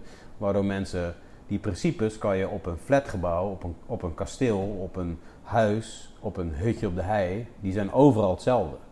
En als je je daaraan houdt, dan kan je een commando overal naartoe sturen. En kunnen ze altijd optreden, in plaats van een aap een trucje leren. Dat is e- een van de grote veranderingen, denk ik, die wij toen daar gemaakt hebben in de opleiding. Van, En daar kregen jullie dan, zeg maar, binnen die bedrijfsvoering, kregen jullie daar de vrijheid voor? Namen wij de vrijheid voor. Maar ja. dus weer die recalcitrantie. eh. Ja. Samen namen we daar de, ja. En uiteindelijk kregen we die ook omdat ze zagen dat we het, het goed deden. Ja. Oké. Ja. Maar daar heeft, dit is echt niet sla- zonder slag of stoot gegaan. We hebben daar echt wel samen voor moeten vechten om... Hè, je gaat, er was al een tactiek veranderd binnen het korps door, eh, door onze voorgangers. Die hadden al heel goed werk gedaan. En wij wilden daarop verder gaan. Nou ja, we wilden nog meer aanpassingen. Ja, dan denken de mensen, moeten we nou weer veranderen? Hè? Waarom moet dat nou? En, eh, ja, en dat gaat niet van een leien dakje. Want hè, de, niet iedereen wil eh, continu eh, alles maar weer veranderen. Er moet wel een goed verhaal komen. Dus daar hebben we echt wel... Ja, en dan moesten we dus eigenlijk ook wel recalcitrant zijn. Omdat anders zouden we het zo blijven doen. En, en ik was naar Amerika geweest. Ik had de CT-opleiding gedaan van de Amerikaanse Special Forces. Eh, en daar had ik dingen geleerd. En ik denk, ja, die moeten wij. En dat is, ze hebben dat geleerd door, door gewonden en gesneuvelden. Dus het is niet dat ze dat in een trainingsloop... Ze hebben dat echt daadwerkelijk ondervonden. Die tactiek moet je niet meer doen, want dat kost mensen hun leven. Dus moeten we dat aanpassen. Ja, en als je dan daar samen in Nederland over hebt, dan denkt iedereen van ja, inderdaad, dat moeten we aanpassen. En dat, ja, dat, dat moet je dan even doorzetten. Maar je, ja, en dan moet je dan even doorheen. En uiteindelijk ziet iedereen, als je het goed doet, ziet iedereen in van oh ja, dit bedoelden ze, dit is, dit is goed. Moet je dat dan ook vastleggen, eh, weet ik van wat? Dat eh, was niet mijn specialiteit, nee, moet maar dat werd wel vastgelegd, ja. Oké. Dus dan moet jij het weer aan iemand anders overbrengen, Maar wat je dan bedoelt. Uiteindelijk hebben we wel een, eh, een handboek geschreven, maar dat, hè, sommige mensen willen dan van, ja, we willen plaatjes over hoe, hoe die procedure dan uitziet. Maar wij hebben een, een ja, en het was niet af toen ik weg was, maar dat is een open, open boek eigenlijk. De principes, die moeten duidelijk zijn. En die staan eigenlijk wel een soort van vast. En van daaruit kan je verder, eh, verder werken. Dus dat, dus, dus dat hebben we vastgelegd, die principes. Van, en die, gelden voor, zo, voor, voor zowel voor, voor tactiek als schieten. Dat, dat, en dat hebben we wel vastgelegd. Maar Jij zij zijn daarna nog steeds mee bezig. Want dat kost een, dat is Nee, niet het in zal, een dag het zal gedaan. continu veranderen inderdaad. Ja. Maar jij zei ook dat je eh, goed kan schieten. Ja. Wat, wat, wat, wat, wat, heb je daarvoor nodig als je goed Wapen. wapen? Ja, veel oefenen. Ja, veel, veel hebt- schieten. Ja, Ja? Ik, ik, ik zal niet zeggen, want ik ben niet van nature een, een goede schutter. Maar ik heb er wel heel veel voor geoefend. Hè. En die opleiding in Amerika hebben we ook echt heel veel geschoten. En toen zeggen we, oh ja, dus zoveel moet je, moet je schieten. En eh, dat hebben we toen ook teruggenomen naar eh, Nederland. Van, hey, we moeten nog meer schieten. Want hoe leer je schieten? Door veel te schieten. Iedereen kan een goede schutter worden, zeg je. Ja, niet de beste, maar wel een goede. Ja. Ja, oké. goed Hey, wij, zeiden, wij zeiden toen met de instructie, we kunnen iedereen leren schieten. Als jij wil, kunnen we je leren schieten. Kunnen we je goed leren schieten. Als jij, en dat is niet een vast pad wat je dan volgt van we doen nu die oefening, we doen nu die oefening, we doen nu die. Nee, dat is, ik laat je schieten. Oké, dat doe jij fout. Of dat kan, hè, of dat kan beter, moet je, hoe je het bekijkt. Oké, we passen dat aan. Oké, dat gaat fout. Oké, we passen dat aan. En zo is het een soort weg. Dus het is voor iedereen is die weg anders. En dan moet je echt wel boven de stof staan en weten waar je over praat. Zelf al als instructeur wil je mensen op die weg brengen. En ik denk dat wij toen de tijd echt wel. Het klinkt, toen de tijd klinkt echt alsof het heel ver weg is, maar dat is het niet. Maar op, dat hadden we echt wel in de smiezen. We hebben echt wel veel gasten heel goed leren, leren, leren schieten. Eigenlijk hebben ze het zelf gedaan. Hè? Wij hebben alleen maar de, de Ja, instrumenten en de handvaten gegeven. Ze hebben het zelf allemaal gedaan. Maar als jij dat zegt was, dat was ook het leukste wat we, om te doen. Ja. Dat, dan daar heb- begint het mee. Daar begint Nee, maar dan heb je dus iets hier moeten aanraken. Zeggen van jongens, er moet meer geschoten worden. Dus dat heeft ook met geld was- te maken. was- ja, ja, maar eh, daar hebben we ook even voor moeten, moeite voor moeten doen. Maar we gingen zeg maar. Je had een eh drieweekse schietopleiding en een steelopleiding. Dan had je. We begonnen met. Daarvoor had je bijvoorbeeld 20.000 patronen voor heel die opleiding. En toen zeiden wij van nee, dat moet 100.000 worden. Ja, dat is wel even vijf keer zoveel. En dat zijn niet de juiste aantallen. dus Maar, maar dat werd uiteindelijk wel gekocht toen we gingen aantonen waarom dat dan dat was. Dus dat is wel. Je moet wel een beetje tegen het systeem aantrappen, maar je moet het wel goed kunnen onderbouwen. En dan gaan ze wel met hem mee. Want in eerste instantie zegt ze van nee, je moet zoveel, weet je wat dat kost, of, hè, of dat kan niet. Of, en dan leg je uit van ja, maar dit is essentieel als een voetballer goed wil leren voetballen, dan, dan moet hij niet op een stoel gaan zitten. Nee, dan moet hij voetballen en voetballen en voetballen. Nou, willen we alle commando's goede schutters maken, moeten ze. Het geldt niet voor commando, het geldt voor elke militair. Elke militair moet goed kunnen schieten en daar zijn gewoon kogels voor nodig. Ja, oké. maar dan als je dan dus bijvoorbeeld met dat voetballen weer vergelijkt. Champions League, daar ga je bijvoorbeeld, ik weet niet of, of je van het voetballen bent, maar dan ga je dus nu, het winterstop, investeren. Want door die investeringen kan jij eerste worden. Ja. En als je eerste wordt, ga je Champions League spelen. En dan krijg je sowieso 40 miljoen. Ja. Dus je moet vooraf investeren. Dus dan, dan moet er vanuit Defensie moet er ook het verlangen zijn om met die eh, eh, eh, SF-eenheden tot de beste van de wereld behoren. Ik denk als je, het verlangen, als je een SF-eenheid hebt, dan is die verlangen er al, want dan, anders moet je geen SF-eenheid Ja, hebben. oké. Ja. Dus jullie Dus worden daarin bevestigd. Ja, ja. Dus je krijgt, de- je krijgt die poen om bij wijze van spreken die 100.000 eh, kogels eh, te kunnen afvuren.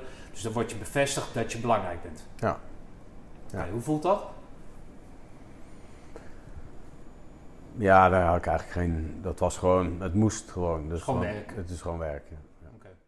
Hey, luister eens, dan, dan, dan ga jij dus dan het instructiewezen in of zo dan op het Ja. ogenblik. ja. Waarom dan? Waarom eh, is dat? Ehm, ik was. Ik ben heel lang eh, corporaal eh, gebleven omdat ik niet naar de KMS wilde. Ook omdat ik niks wilde missen. En, eh, en ook, ik zag de noodzaak er niet van, omdat ik kon mijn werk prima doen als corporaal. Maar als je door moet groeien, moet je toch op een gegeven moment sergeant worden.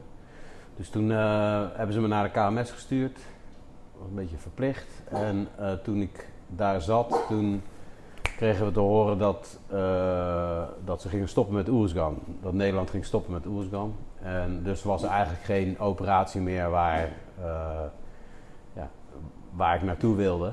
Eh, en toen kon ik op onderofficier worden van de compie. Toen viel ik, dus kwam ik in de korpsstaf terecht en dan kon ik me gaan bezighouden met het opleidingstraject voor de operators en met oefeningen schrijven. Dus toen was ik net sergeant en was ik daar oefeningen aan het schrijven voor, eh, voor de compie. En niet de hele grote oefeningen, hè, want dat doen eh, de, de officieren. Alleen, eh, het schietprogramma of een, een tweeweekse ISK op een harskamp. Hè. Dan moest ik dat gaan doen. ISK is wat? Toet Kappenau. Het, het, ja, de, het schietkamp in de harskamp. Ah. Ja. En ehm, ja, dus daar hield ik me bezig. Dat vond ik heel leuk. En ook met het optreden verstedelijk gebied. Dat was dan een beetje waar ik me mee bezig hield.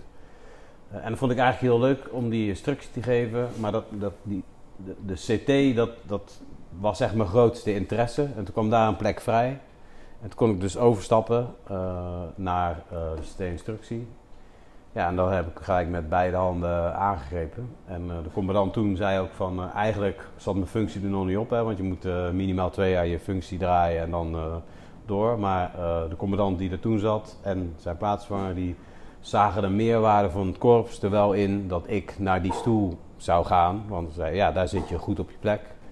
Ja, en dat heb ik vier jaar gedaan en daar zat ik eh, hartstikke goed op mijn plek. En dat vond ik ook, ik vond het een van de leukere dingen die ik deed, omdat ik de kennis die ik op had gedaan in de jaren daarvoor, kon ik overdragen naar de jongere operators en naar anderen. En kon ik ontwikkelen. En ja, waar we het net ook over hadden, van, die had best wel grote invloed op de tactiek en het schietbeleid van het korps. Hè. We werden op een gegeven moment, na een heel gevecht natuurlijk, werden we ook heel serieus genomen erin. En kwamen ze, konden we adviezen geven en hè, kon je samen met anderen het korps nog beter maken. Dus dat was ja, zo ben ik in het instructieplaatje gerold. En ik merkte ook dat het me heel goed afging. Hè. Ik vond het heel leuk om. eh, ik vond het leuk en het ging ook goed om de les te geven en de jonge operators eh, het te leren. Ja. Dus zo eh, kwam ik daar terecht. Jij zegt dat Oeruzkan eh er niet meer is. Is er dan, is er dan in, dat, in dat wereldbeeld, want ik heb daar geen idee van, eh, lagen er nog andere dingen in het verschiet dan? Want er- zijn allerlei brandhaarden. Is er dan van tevoren al bepaald van, daar zouden jullie eventueel heen kunnen? Of, of nee, voor mijn gevoel, en dan heb ik niet helemaal scherp. En ik zit natuurlijk ook niet in. Zat niet in die wereld om, om te weten waar het naartoe zou gaan. Maar ik wist, oké, dat stopte. Toen dacht ik, ja, oké, dan wordt het tijd voor een nieuwe uitdaging. Hè? Weer een nieuwe, nieuw avontuur aangaan.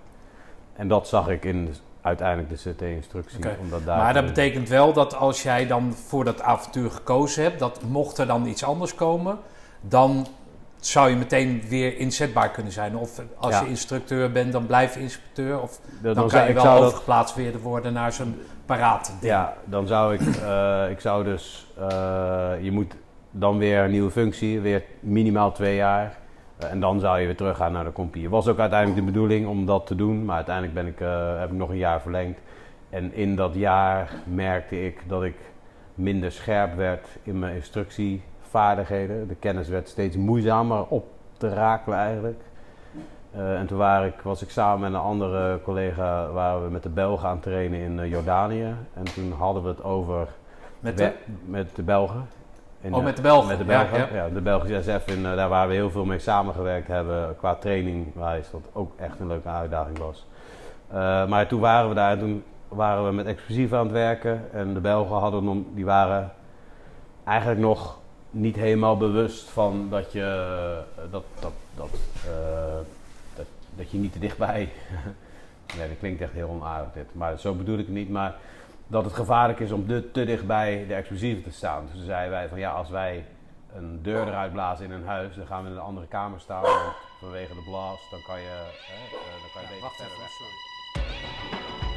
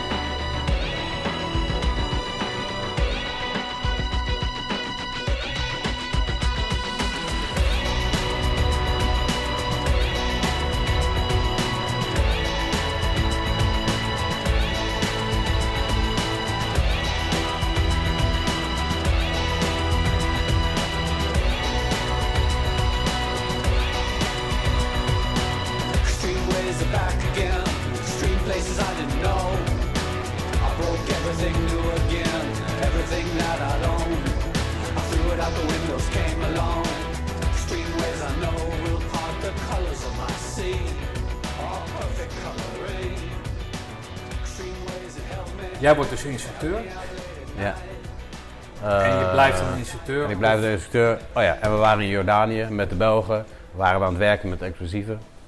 Eh, en toen hebben we uitgelegd over eh, dat het niet goed is om te dichtbij eh, de explosies te staan. Dat dat niet goed is voor je.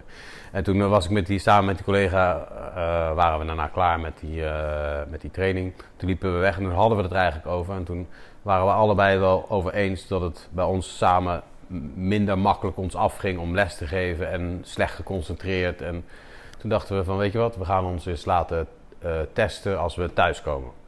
Dus toen zijn we teruggekomen in Roosendaal en toen zijn we naar de korpsarts gegaan. Toen hebben we het uitgelegd en toen zeiden we van, ja, we zouden eigenlijk wel een eh, hersenscan willen eh, krijgen. Dus toen ben ik doorgestuurd naar de neuroloog van het CMA. De CMA die... Want jij had, sorry dat ik je onderbreek, maar jij had ergens last van dan. ja, ik merkte dat het moeizamer ging. Soms dan wist ik, als ik een les gaf die ik eigenlijk al heel vaak had gegeven, die eigenlijk heel soepel moet gaan, merkte ik dat ik eh, mezelf wat beter moest inlezen, wat het wat minder vlekkeloos ging, dat, dat de kennis of de, de uitleg wat moeizamer eruit ging en dat ik soms niet helemaal scherp had. Niet, niet dat ik niet wist wat ik deed, maar ik merkte dat de, de, de scherpheid was weg. Eh, toen heeft eh, eh, de neuroloog me onder een MRI gedaan. Hebben ze een scan gemaakt van mijn hersenen. En daar zagen ze witte stofafwijkingen op een plek waar het niet hoort. Toen zeiden ze van ja, als je 70 bent, dan is het normaal dat je zulke dingen hebt. Want door je leven krijg je nou helemaal zulke dingen. Maar ze zeiden ja, jij bent nog lang geen 70. Dus het is eigenlijk gek dat dat daar zit. Toen hebben ze me doorgestuurd naar een neuropsychologisch onderzoek. En daarin kwam uit dat ik op bepaalde cognitieve vaardigheden achterloop. En eh, als ze dat. Ze hebben natuurlijk geen nulmeting gedaan, want het mooiste was als je voordat je, ermee, dat je dat ook hebt gedaan. Maar die nulmeting is er nooit geweest. Maar ze zei: als jij toen eh, in 2002 goedgekeurd bent, dan kan het eigenlijk niet zo kloppen met elkaar. Zoals je nu, hè, met jouw leeftijd, met jouw kennis en jouw vooropleiding, zit je onder het gemiddelde. Dus dat klopt niet. Eh, dus toen is eigenlijk het balletje aan rollen van: ja, hoe komt dat nou? Toen zijn ze gaan kijken in mijn geschiedenis van of ik dan extreme, on- of ik een ongeval heb gehad of, eh, hè, of heel eh, professioneel bokser ben geweest. En ik had wel vechtsport gedaan, maar ja, Kyokushin karate heb ik gedaan. Ja, dat is niet op het hoofd slaan, dus dan zit je al niet... eh Dus full tak. full contact karate, ja. Ja. Had ik eh, jaren gedaan en dat... eh, ja, dat, is, dat, dat je daar hersen... Tuurlijk, van al het vechten kan je misschien hersenbeschadiging krijgen, maar ik ben nooit eh knock-out gegaan voor langere tijd. Of, ik heb nooit op wedstrijdniveau gevochten. Eh, dus dat hebben we uitgesloten. Dat, dat kon het eigenlijk niet zijn. Ook geen ongeval. ongeval. Toen zei ze, ja, dan is er maar één reden. En dat is omdat je te veel met explosieven te dichtbij hebt gestaan. Toen zijn we daar later bij het KST ook over na gaan denken. En je hebt een veilige stacking distance. Dus een stacking distance is de afstand die een groep operators houdt van eh, de, het explosief. En eh, die is altijd berekend op de groep die in de kamer staat, maar niet op de instructeur. En de instructeur staat altijd ergens anders als waar de stek is. Hè. In Amerika staan we er altijd boven. Met, eh, je staat niet boven de explosie, maar je staat op een catwalk boven het huis. Eh, maar die berekening is nooit daarvoor gemaakt. Dus je staat bij elke explosie sta- je erbij. En misschien sta je dus op de verkeerde plek, maar ben je daar niet bewust van. Hoeveel meter moet je dan afstand houden? Ja, het is dus dat. Het is dus, moet sowieso niet in de lijn staan met, de ex- het, met het explosief. Eh, en dan hadden ze uitgerekend dat als je in een kamer op 2, 2,3 meter staat tegen de muur aan, dan zou dat een goede plek zijn. Alleen drukgolven die komen tegen een muur aan en die ketsen dan af en dus die gaan alle kanten op. En die berekening is gedaan voor de operator in de ruimte, maar niet voor een instructeur welke kant hij op gaat. Dus het kan zo zijn dat jij altijd als instructeur die dreunen opvangt omdat je erboven staat, terwijl je daar eigenlijk niet van bewust bent. En als je dan terug nadenkt over die tijd dat je bijvoorbeeld in Amerika een training eh, volgt of geeft, dat je dan bij elke explosie er eigenlijk wel in de buurt staat. En dat het in een drie weken tijd ongeveer wel 500 of meer explosies zijn. Ja, dat is niet echt goed voor je, voor je schedel. En hoe gaat dat dan? Gaat via je gehoor naar binnen? Via... Ja, eigenlijk wordt je hersens worden door die drukgolf in je hoofd door elkaar geschud. Dus het is eigenlijk hetzelfde als een klap op je hoofd, alleen krijg je geen klap op je hoofd.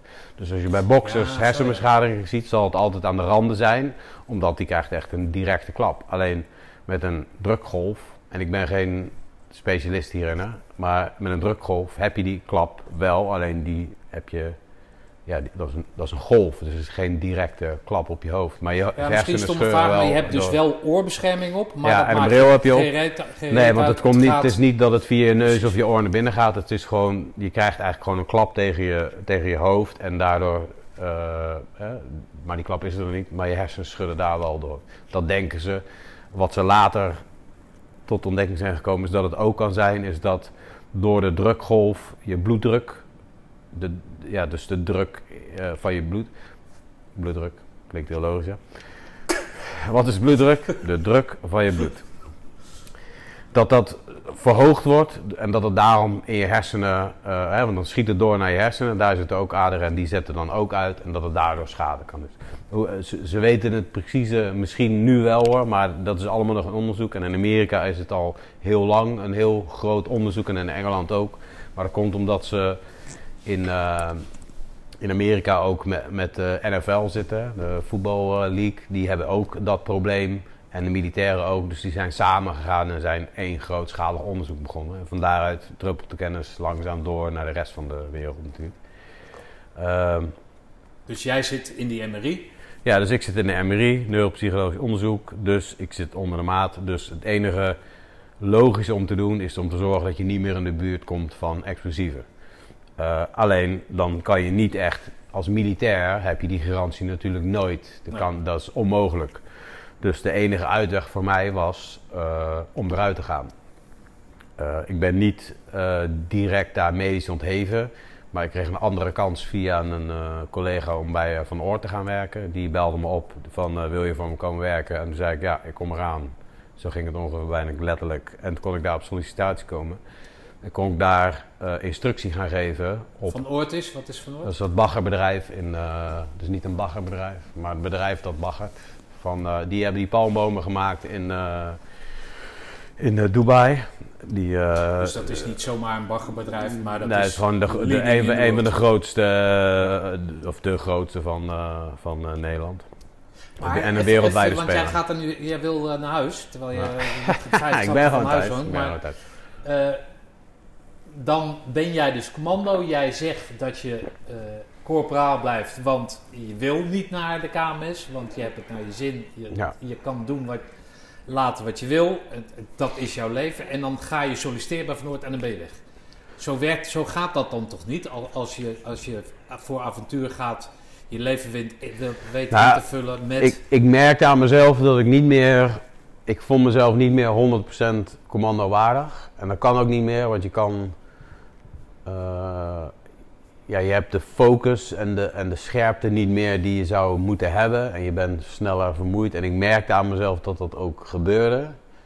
Eh, dus ik heb voor mezelf toen de keuze gemaakt van: oh ja, dit is niet meer, het, dit is niet meer de weg die ik moet volgen. Ik moet een andere weg gaan zoeken. En toen kwam Van Oort op mijn pad. Dus eigenlijk kwam het op, ja, maar jij op kan pad. toch met de ervaring die je dan hebt, zou je toch ook naar, je hebt HAVO, naar een KMA kunnen gaan of zo?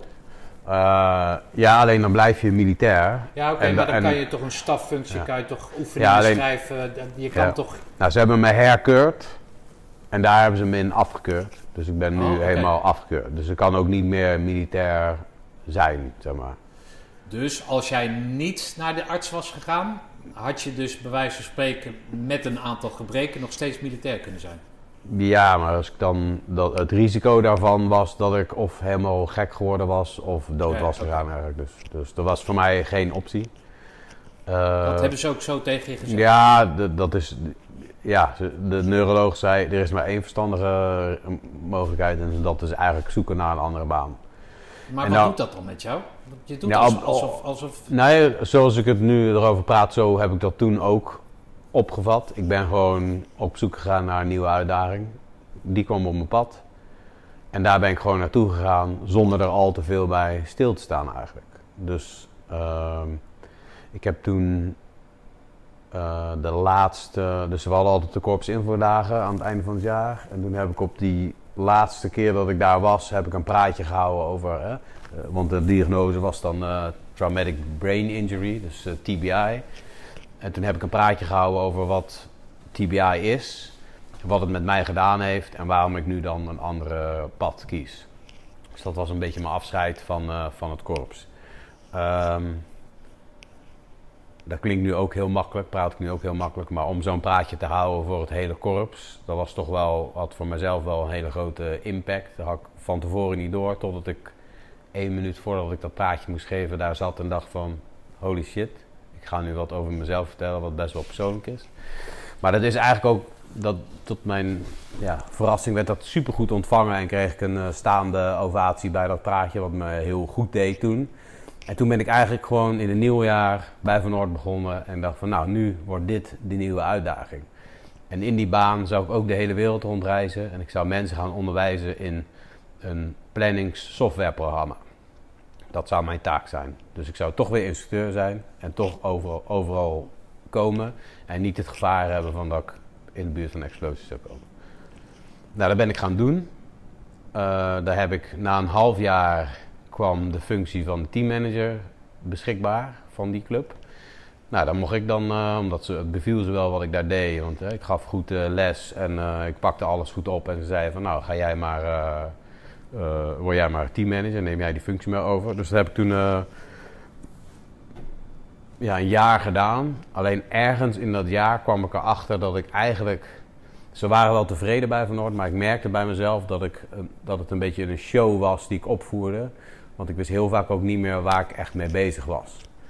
En waar ik, tot, waar ik ook tot de ontdekking kwam, is alle energie ging naar het werk. En voor thuis was er geen, geen ruimte. Ik was wel thuis, maar ik was niet fysiek. Of eh, fysiek was ik thuis, maar mentaal was ik niet meer thuis. Eh, dus dat was voor thuis ook niet zo'n hele leuke, leuke periode. Want ik, ja, er was eigenlijk geen normaal gesprek met me aan het voeren. Dus uiteindelijk was de, het resultaat. eh heb, heb, samen met eh, Loes, mijn vrouw, hebben we het over gehad. eh, er is maar één manier en dat is aan de bel gaan trekken bij Van Oort.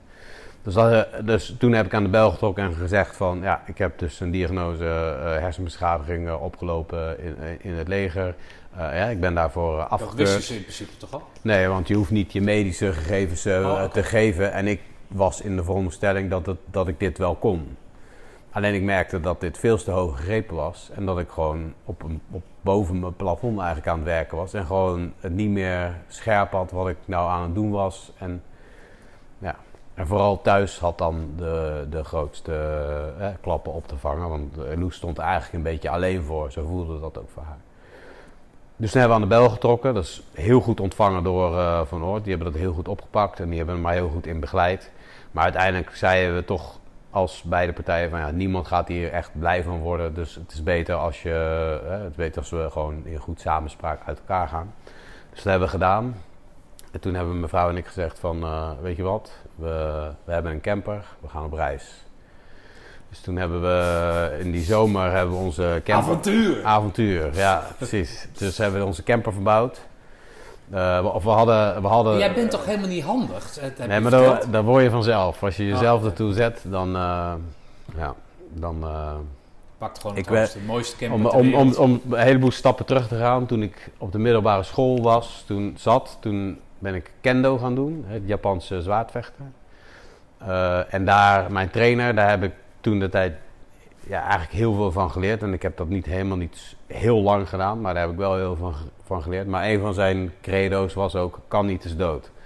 Dus als je, als je iets niet kan, dan ben je waarschijnlijk dood, want anders kan je het wel. Hij zei niet van je kan overal goed in zijn, maar je moet eigenlijk alles wel, alles. Als je fysiek in orde bent, dan moet je eigenlijk alles wel kunnen. Dus dat credo heb ik altijd meegenomen in, eh, in het hele, hele gebeuren.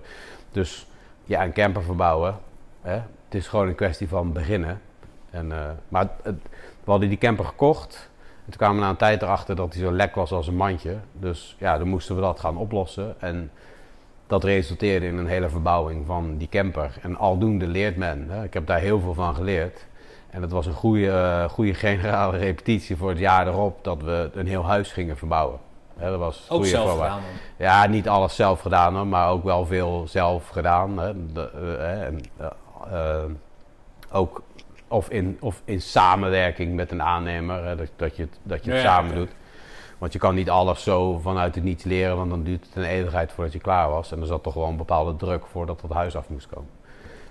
Dus camper verbouwd, zijn we op reis gegaan, hebben we vijf maanden rondgereden in Europa. En onze Loes en ik hadden altijd al de gedachte om op reis te gaan, eigenlijk op een motor. Toen kregen we onze eerste dochter.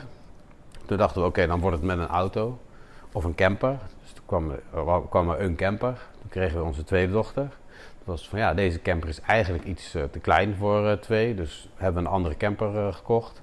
Toen kwam de derde, of toen werd ze zwanger van de derde. En toen zeiden we, ja, we hadden eigenlijk het idee om op reis te gaan. Hadden we toen al ooit. Dus, eh, en toen, toen kwam dat verhaal met Van Oort. En toen zeiden we van, we gaan gewoon. We gaan het gewoon doen. We gaan zes weken nadat je bevallen bent van onze jongste, van Zes Bram. weken. Zes weken, gaan we gewoon. Dat hebben we toen gezegd. Nou, uiteindelijk is dat acht weken later geworden. Jezus. Dus toen was Bram was twee maandjes oud en toen zijn we Ah, op, reis gegaan. Ja, ik vond hem nog een tegenval. Ja, tegenvallen, ja, precies. Ja. ja, die twee weken. Nee, ja.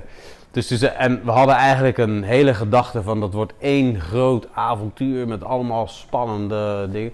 Maar het is eigenlijk gewoon gezinsleven in een camper. Maar dat, dat was het avontuur. We hadden, eh, we hadden dat eigenlijk. We hadden, onze verwachting was anders, maar die hebben we heel snel bijgesteld. En dat is eigenlijk een super gave trip ge- geweest met, met z'n vijven. En op de heenweg kwamen we een Duits gezin tegen. Of, eh, ja, een, eh, een vader en een moeder en een eh, zoontje. En die eh, zouden eigenlijk een jaar op reis gaan. En die zeiden van, eh, die waren na vijf, vier of vijf maanden, waren ze nu al op de terugweg. Want ze zeiden, we hebben alles gedaan wat we wilden. En het is goed zo. We, we zijn klaar met reizen, we gaan weer lekker naar huis en daar verder. En toen zeiden we tegen elkaar van, wat zou het toch mooi zijn als dat voor ons hetzelfde zou zijn als wij terugrijden. Dus wij eh, op reis, ook wel avonturen meegemaakt. Alleen anders dan dat je met z'n twee op een motor gaat. Nu ben je met eh, drie kinderen en een eh, camper. Maar superleuke reis gehad. Eén maand op dezelfde plek eh, gestaan met allemaal andere gezinnen. Ja, het was een hartstikke leuke tijd. Alsof we ons eigen dorpje hadden vlakbij het strand. En eh, we hebben nu nog steeds contact met die mensen. Dat was echt een hele leuke ervaring. En toen reden we terug op, eh, eh, eh, door eh, Frankrijk. En toen waren we in Zuid-Frankrijk. kwamen we een Nederlands stel tegen wat net begon met de reis. En toen zeiden we tegen die mensen van... wij gaan lekker naar huis, want het is goed geweest zo. We hebben onze reis gaan, we gaan ons leven in Nederland nu opbouwen.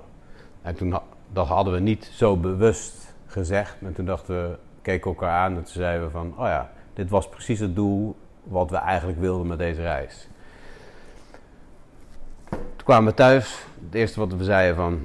Deze hebben we gedaan, die reis hebben we gedaan. Wilden we altijd al een keer doen. Pak nooit meer iemand ons af. Eh, en nu gingen, gaan we ons leven opbouwen. Toen kwamen we hier terecht in Asten bij, eh, bij het mooie kasteel. En toen kwam dit avontuur erbij. Hm. Ja. Als jij dan met dat team, hè, dat familieteam, zeg maar, op stap bent, is dat heel anders dan met, met, met de jongens op stap gaan? Ja, met, als je met de jongens op stap gaat, dan eh, heeft iedereen zijn eigen taak. En ik ben erachter dat kinderen toch minder. eh, of ja, die hebben ook een eigen taak. Alleen die is toch heel anders dan eh, in het. Je hebt geen eh komspekker of een merk, dat moet je dan allemaal zelf doen. Ja. Nee, er was nu nog steeds, als we de camper pakken, iedereen gaat op zijn plek zitten en alles valt op zijn plek. Het, alsof het, een soort tweede natuur. Dus dat is, als, als we. Ja, Bram was toen eh, zes maanden, acht maanden. of. Nee, acht, acht weken. Oh, is we- twee, acht twee weken. maanden oud. Ja, ja. En maar die, die, wist ook, toen al zijn plek. ja, die ging gewoon in de maxi liggen. die had geen andere plek. Ja, maar nu ook. Als ze, als ze camper worden ze blij van en dan gaan we op pad. Ja, worden ze helemaal. eh, zo doen we ook graag. Ja. Nee, ja, maar om me aan te ge- of waar ik eigenlijk op doel is dat, dat je dan met allemaal gelijkgestemden Ja. heb je een opleiding genoten, dan het- ga je steeds verder in die vriendschap, in dat, in dat teamverband en weet ik wat. Iedereen heeft zo zijn taak. Ja. En nu ben jij in één keer degene die achter het stuur zit, Ja. of Loes zit achter het stuur. Ja. En dan heb jij de verantwoordelijkheden, heid, heb je, voel je en heb je voor anderen. Ja. Dat, daar, daar. Is dat te vergelijken of is dat... Nee, dan, die, die, eh, die verantwoordelijkheid zorgt wel ervoor dat je andere keuzes kan- moet maken dan wanneer je met vijf oude, ja, gewoon maten of eh, anderen op pad gaat. Nu ben je echt, heb je die, inderdaad die verantwoordelijkheid voor drie kinderen. Maar het gevoel was eigenlijk hetzelfde als avontuur? avontuur op safari, hè? familie op safari. Ja. Ja. En eh, ja, dat, pak, dat kan ik iedereen eh, aanraden. Als Ja. je wil gaan, moet je gaan. Want voor je het weet is er corona, kan je niet meer op reis. Of is er iets anders. Of, er, komt altijd wat tussen. Als je wil gaan, moet je gewoon, moet je gewoon gaan. Ja. En het is... Het komt onderweg wel. Je, vindt het, je, je zet die stip op de horizon, we gaan op reis en we gaan er een leuke tijd van maken. En de rest, hoe je een camper moet verbouwen, hoe je moet reizen, hoe je, dat komt vanzelf onderweg. We hadden ook we hadden geen plan. We zijn gewoon gegaan en we zeiden we gaan naar waar de zon is. En eh. Dat is Hey, mis jij dan, want jij gaat dan dat praatje houden, je krijgt een staande ovatie, dat doet je goed. Dan duik je in zo'n ander avontuur, daar, daar moet je dan toegeven aan je, aan je hè, ge, nou niet geestelijk, maar in ieder geval aan je injury, hoe noem je dat, Ja. aan je gewondheid zijn. Ja. Mis je dat leven dan niet? Dat, dat, dat egoïstische topsportleven waar we het, waar we het over hadden? Ja, ja. Ik- elke eh, commando die de dienst uit is, mist dat leven. Ja, het is ook, je kan het ook nergens mee vergelijken met dat leven. Alleen wat het voor mij, tussen aanhalingstekens, makkelijker maakt, is dat het geen optie meer is. Ik kan niet terug. Ik kan niet eens als reservist terug, omdat ik afgekeurd ben. Dus voor mij is het, als ik, ja, het is gewoon een afgesloten hoofdstuk. Dus het is niet achteruit kijken, maar vooruit kijken naar wat kan er nog wel. En dan is er eigenlijk nog zoveel wat wel kan. En het zegt niet, daarmee zeg ik niet dat het niet pijn doet dat je geen com en je blijft altijd commando. Maar dat het geen pijn doet dat je dat werk niet meer kan doen. Maar het is wel makkelijker om het soms een plek te kunnen geven. Neem Maar niet wat- weg dat het natuurlijk als je hoort dat, ze, dat eh, ja, de eh, collega's eh, op uitzending gaan of allemaal dingen of naar Amerika gaan voor training, dat je ook zoiets hebt van, oh daar wil ik ook bij zijn. Maar als je altijd maar achteruit blijft kijken van, oh ja, hoe had het kunnen zijn of dat had ik ook willen doen, dan kom je ook niet vooruit. Dan blijf je alleen maar achteruit lopen Nee, en blijf je hangen. Nee, maar dat snapt toch Dus, iedereen, dat hoeft ja. er niet te zeggen. Nee, maar wat, wat mis je dan? Wat, geef mij dan eens aan wat je mist. Wat mis je dan? Ik, eigenlijk, dan, ik mis het niet. Het is meer dat je. ja, je, je kijkt meer naar hoe het was. En dan hoop je dat het ook zo zou zijn. Terwijl je weet dat het nooit, nooit meer. Als je nu teruggaat naar het korps, dan is het niet te vergelijken met het korps van tien jaar geleden. Dus je krijgt. Je, je, Nee, natuurlijk, het is niet- niet over het koers, maar wat Nee. mis jij in... Nou, dat, wat is wat ik bedoel. Als ik terug ga, dan krijg ik nooit meer hetzelfde. Wat ik, dus het heeft geen zin om te kijken naar. Hè, zo kijk ik er zelf naar. En is misschien mijn verwerkingsproces van dat ik dat niet meer kan doen. Ik kijk er niet naar, oké, wat mis ik nou? Nee, het, dat was een mooie ervaring. Dat was toen. Snap ik. Maar vertel mij nou eens, ik mis... eh, eh, toen ik dan zeg maar door de week eh, kon een uur rijden, maar dat deed ik niet, want ik was met mijn Nou, je, je mist ik mis dan. gewoon dat slap ouwe hoeren. Ik mis dat biertje. Mist- Ik mis die arbeid. Ik mis, Ja. ik, net- wat, wat mis je dan? Ja. Daar kan je toch over zeggen zonder, zonder dat je zegt van ja, maar ik moet vooruit. Dat snappen we dat we, dat we vooruit Ja. moeten. Nee, dan mis je hè, het, het, het schieten en het, het trainen met die gasten. Ja? Dat, dat mis je dan. Ja, ja, ja. Maar ja, schieten kan je. Ik, ik ga- ik doe nu de, de jachtopleiding. Dus als ik die af Oh heb, ja? kan ik gewoon weer schieten. Dus kan ik gewoon kleiduiven. Hè, dus dus dat hoef ik niet te missen. Maar je mist het samen met die gasten dat doen. Dat, je zit niet meer in die trein die maar vooruit blijft gaan. Daar zit je niet meer in. Dus je ziet die trein voorbij gaan. En je hebt je, je, hebt je station Jij mist dat, dat Ja. Champions League, dat mis je. Dat, dat, ja, dat, dat, samen naar een samen gemeenschappelijk naar doel. dat allerhoogste Ja. streven. En of, of Ja. die, die opdrachten nou wel komen of dat ze naar de Amerikanen Precies, gaan. ja. Dat je daar altijd op het hoogste niveau... Gewoon dat topsport mis je. Ja, dat, ja, ja. Oké. Hoe vul je dat nu in dan? Behalve de kleiduiven schieten.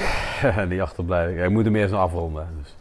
Nee, eh, hoe vul ik dat nu in? Nu heb ik dus door pieken en dalen, ben ik er nu achter dat ik dat kan invullen met. Dus ik heb. Dus ik ben gestopt bij Van Noord. Ik ben in de ziektewet terechtgekomen. eh, en ik ben op zoek gegaan naar hoe kan ik nou. Martijn 1.0, die zat in dienst, was commando. Hoe kan ik nou Martijn 2.0 worden? Daar ben ik naar op zoek gegaan. Toen ben ik een eh, neuropsycholoog tegengekomen op, via een krantenknipsel. Die had het over eh, dat het heel slecht voor je hoofd is als je met voetbal Kopt. kopt. En die had het ook over kinderen, dat, dat, dat mensen dat niet meer moeten doen. En toen zag ik, hij had allemaal eh, info daarover. En hij zit hier in, eh, hij heeft zijn praktijk hier in Helmond. Ja, Dus dacht ik, hé, die ga ik eens even bellen. Want ik was al heel lang niet bij een eh, neuropsycholoog geweest. Ik denk, ik wil ook een neuropsychologisch onderzoek weer eens laten doen. Kijken hoe het ervoor staat, of alles nog goed gaat. Dus toen ben ik bij hem aangeklopt. Heb ik een neuropsychologisch onderzoek gedaan bij hem. En hij heeft me doorverwezen naar een fysiotherapeut en een optometrist. Dus nu heb ik ook een bril ergens. Oké. Ja, maar die, is, eh, die is kwijt natuurlijk. Ja. Maar, nee. maar eh, die heeft me doorverwezen naar bepaalde specialismes, zodat ik, eh, niet om me beter te maken, maar om beter ermee om te kunnen gaan. En toen ben ik dus bij de fysio Maarten van Berlo terechtgekomen en die doet cognitieve prestatietherapie. Wat is dat?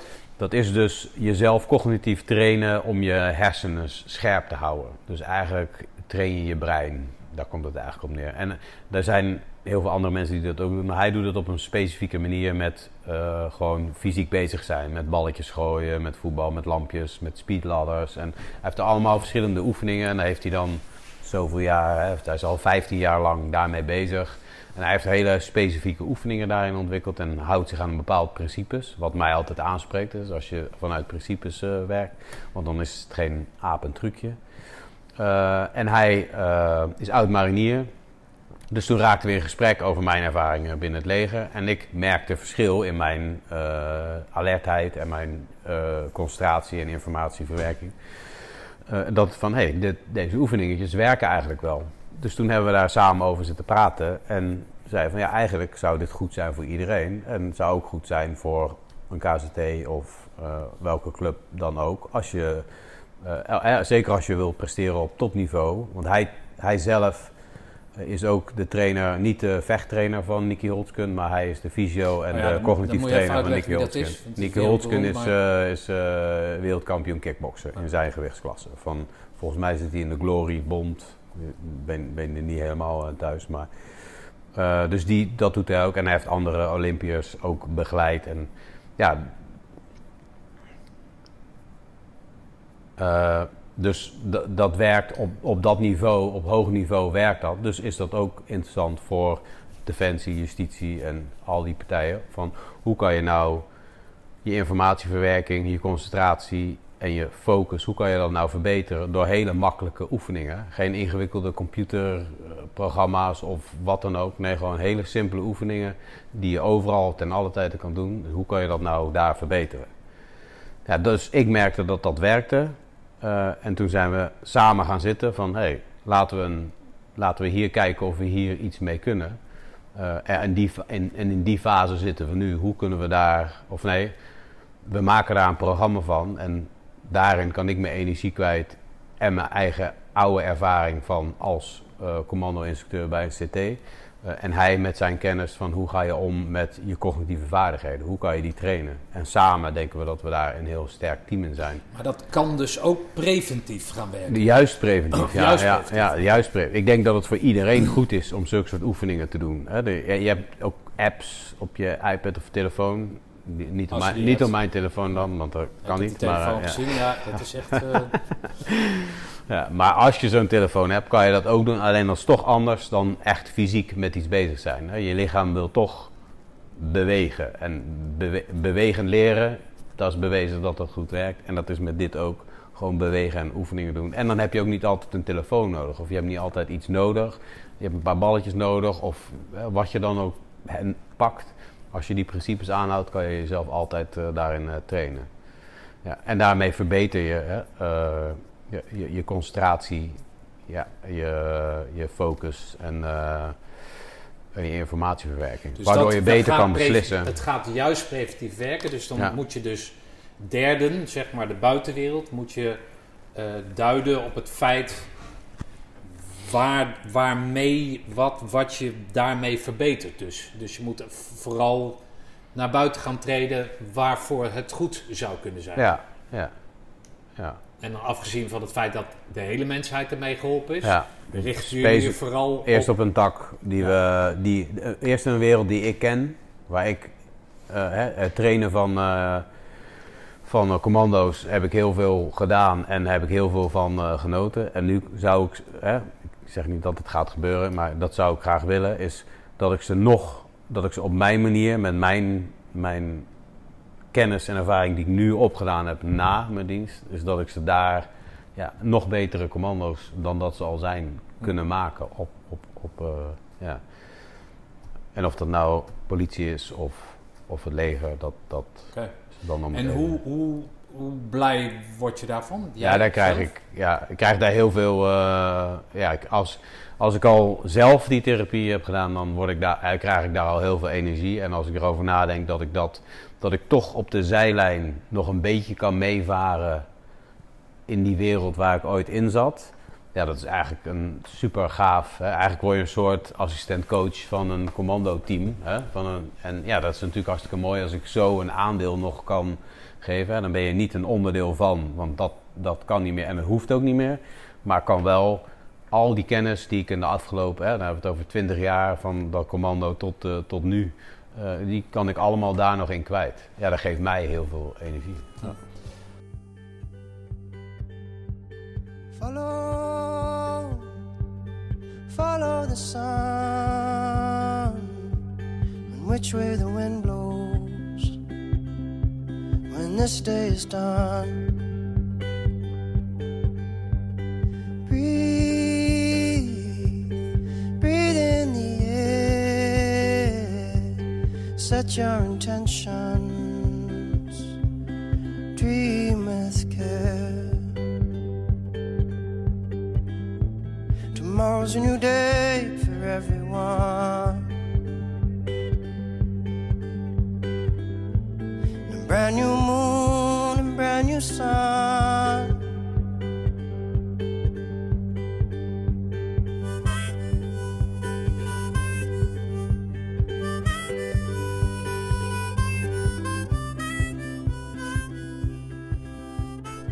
Even op dat, dat, dat, dat mentale vlak. Daar, ja, jij wil vooruit. Hè, want het Ja. heeft geen zin om achteruit te kijken, toch? Ja, ja. Je moet achteruit kijken en dan moet je er kijken wat je daarvan geleerd hebt. En Ja. dat neem je mee. Maar je moet niet... Wat ik wel zie in mijn omgeving van oud niet, is dat we te veel kijken naar wat we toen allemaal gedaan hebben. En dan daar allemaal pluimen aan onszelf aan geven. En ik zeg niet dat dat fout is. Maar voor mij persoonlijk denk ik dat je moet kijken wat heb ik daarvan geleerd. Dat neem ik mee. En de rest, hè, Bruce Ja. Lee zei Ja, dat, ook klinkt altijd. Je moet- hartstikke goed. En dat, Ja. dat ja, maar ik doe dat ook.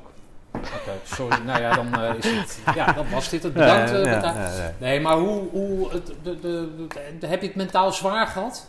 Ik heb het wel mentaal zwaar gehad, ja. Je zit toch in een soort... eh, je staat ineens, kom je vanuit een wereld waar je alles samen doet met commando's. En dan ineens valt alles in het niets en ben je alleen. En zo voelt dat dan ook. Helemaal eenzaam, alleen. Natuurlijk heb je je, je gezin, hè, die, die zijn er en die zijn er voor je, onvoorwaardelijk. Maar je voelt je wel heel eenzaam dan in het gebeuren. En daar moet je zelf je eigen weg in vinden. En dan ga je zoeken. Ga je, eh, Hoe lang heeft dat geduurd dat je je alleen voelde? Eh, nou, dat heeft wel twee jaar geduurd, denk ik. Met ups en downs, hè. Want soms gaat het heel goed en Ja, soms tuurlijk. gaat het... eh, ja. Hoe, hoe ziet eenzaam eruit? Ehm, heel.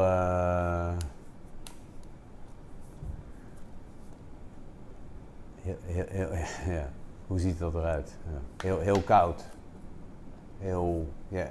Als je samen bent, dan heb je een soort warme deken over je heen. En dan ineens zit je alleen koud in de regen. En weet je niet welke kant je op moet. Zo, zo ziet dat eruit. Maar dan weet je dan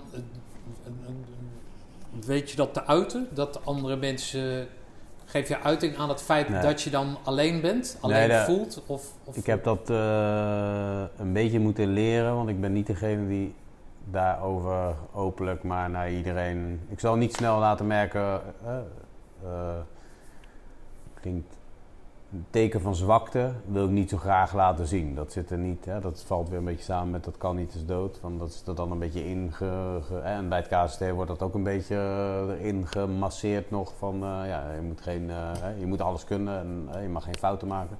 Dus dat zit er dan een beetje in. Dus, dus in die eenzaamheid, om dat te uiten, ja, dat, dat is dan, dat doe je dan niet zo snel. Van, ik kom er zelf wel uit.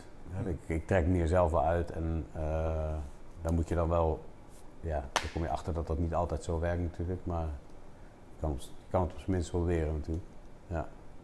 Maar word je daar, zoek je daar hulp voor? Ik heb, eh, ja, ik heb, ja, ja. Dus ik ben sinds ik in de ziektewet zit, eigenlijk gelijk ben ik ook daarvoor hulp gaan zoeken. Dus ik heb begeleiders in huis gehad die me daarin eh, helpen en eh een uh, Dus reïntegratiecoach. dan ga je voor de spiegel staan of denkbeelden zitten. Nou, achteruit kijken. Nou, een beetje jouw credo. Achteruit heeft geen zin. eh, Ja. Vooruit. Moet er vooruit, wat En kan dan- ik doen? Wat is er nodig? En dan uit je, ik ben eenzaam, help me. Ja. Dat. Ja, je gaat zoeken naar de methodes die, eh, of zoeken naar de manieren van wat zou mij kunnen helpen. En zo ben ik meerdere sporen in die afgelopen, ik denk dat we het over drie jaar hebben dan totaal, tot, tot nu zeg maar. Dan ga je zoeken naar sporen en je wordt geholpen. Er zijn, in, eh, er zijn heel veel eh, luisterende oren op, eh, in deze wereld die, die, die je kunnen helpen of die in ieder geval hun best doen om je te helpen.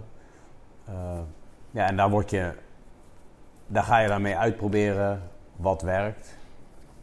Zo ga je eigenlijk de weg vervolgen.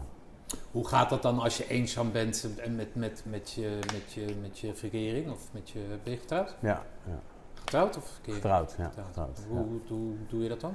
Hoe doet zij dat dan? Ehm, nou, nu kan, ze daar, nu kan ze me gewoon daarop eh, aanspreken, maar in het begin was het, ja, ik la, la- eh, botst dat eigenlijk gewoon. Want dan, hè, waarom zeg je niks? Waarom, hè, waarom doe je zo down? Of dan krijg je eerder een soort, niet ruzie, maar meningsverschillen erover. Of je merkt dat je, dat je een superkort lontje hebt eh, in huis. En dan, ja, dan is dat ook, zijn ook heel veel dingen niet echt bespreekbaar natuurlijk. Ja. Dat moet niet makkelijk geweest zijn voor haar. Nee. nee. nee. Ja, ik heb alles door. maar voor mij ook niet hoor. nee, dus, nee dat zeker niet. Want je bent eh, op wereldreis geweest. Op wereldreis, je bent, bent, hè, dat heb je hiervoor gehad.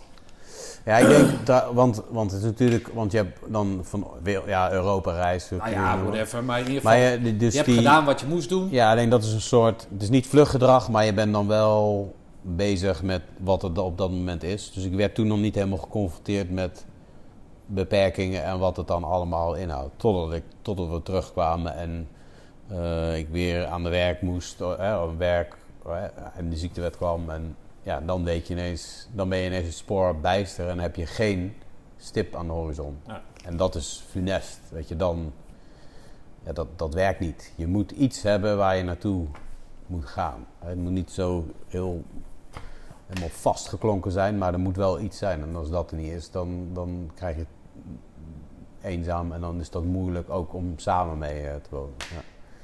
Maar ja, we zeggen nu wel eens van we hebben alles eh, doorgemaakt, dus ups en downs. Eh, eh, we zijn op reis geweest, we hebben een huis verbouwd, camper verbouwd en we hebben nog steeds een goede relatie. Dus op zich zal, zit onze relatie wel, zit dat wel Maar snor. zij heeft dan toch vaak op de tong moeten bijten dan of zo. Begrip moeten tonen, empathisch moeten zijn. Dan ga Ja. maar lekker zitten joh. Ik Ja. doe de rest wel. Ja. Weet je dat? Ja. Ja. Oké. Ja, dat heeft zeker gedaan, ja. ja. oké. Werkt dat door in een relatie? Nee, het is niet zo. Is niet, nee, nee, ja. eh, eh, nee, ik doe wat voor je. Jij, jij doet Het is voor niet mij. voor wat hoort wat, hè? Nee? Zo werkt het niet in onze relatie. Nee, het is eh, voor wat hoort niks. Je doet dat gewoon voor elkaar en dat is, daar hoef je niet. eh, nee. nee, zo werkt het. Tenminste, door de jaren heen is dat zo goed gegroeid en zijn we wel een sterk team samen. Ja. Maar dat moet jou dus nu, met die stip op die horizon, moet dat, moet dat vertrouwen scheppen dat je daar dus uit bent gekomen? Ja. Of niet? Ja, zeker. Dat geeft zeker vertrouwen. Dat, dat, dat, dat, dan zie je dat het kan en dat je eruit kan komen en dat je, dat je weer. En dan zie je ook wat er nodig is om weer voorwaarts te kunnen gaan. Ja.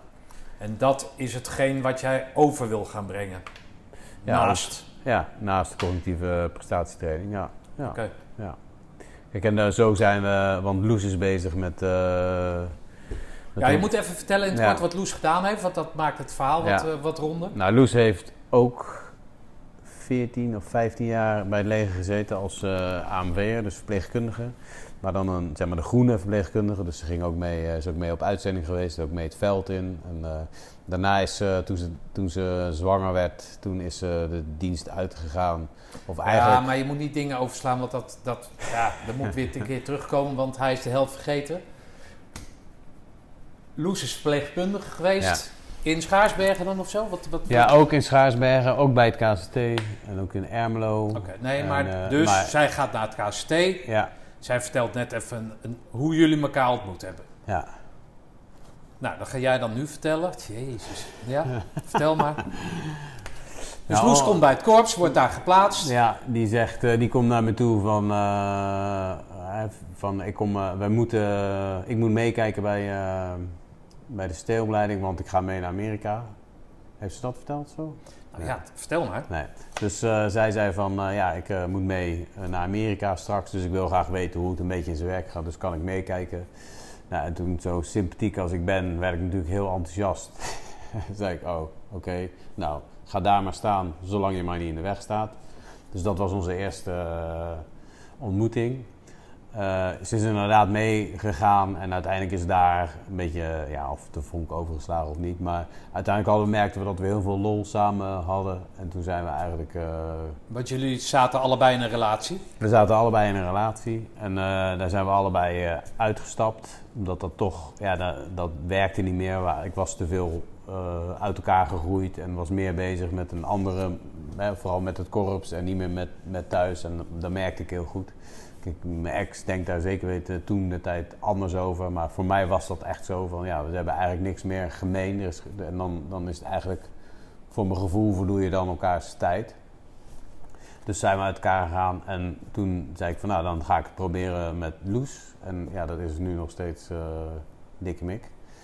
Dus we zijn, ja, daarna zijn we eigenlijk samen gegaan en eh, is ons avontuur samen begonnen. Ja.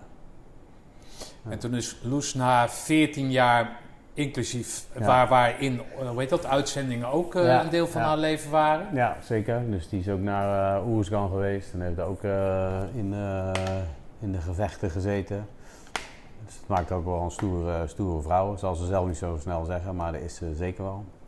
En ja, toen ging zij dus het dienst uit. Zou ze spoedeisend hulpverpleegkundige worden, of dat is ze ook geworden in, in Breda. En toen op dag 1 moest ze daar ook nog vertellen dat ze zwanger was. Dus ze begon daar, moest net beginnen en toen was ze zwanger van onze eerste. Dus eh, dat was ook op zich een mooie avontuur. Ja. En eh, ja, drie kinderen later en eh, een paar jaar zitten we hier. Maar ja, jullie zitten in Asten, even, Ja. hè? dus dat kasteel, dat, dat in het begin hebben we dat verteld, is een ruïne. Jullie wonen in het voorgebouw, of hoe noem je het, Burgt? hoe Ja, je dat? Voorburg, ja. Met allerlei gezinnen, elf Ja. kinderen. De, jullie eh, eh, dochter is de oudste, zeven tot de jongste, die is één of zoiets. Ja. Eh, maar jullie zijn ergens mee bezig. Waarin Loes de ding kan doen, Ja. jij je ding kan doen. Vertel daar eens wat over. Ja, Loes is anderhalf jaar geleden begonnen met de permacultuuropleiding.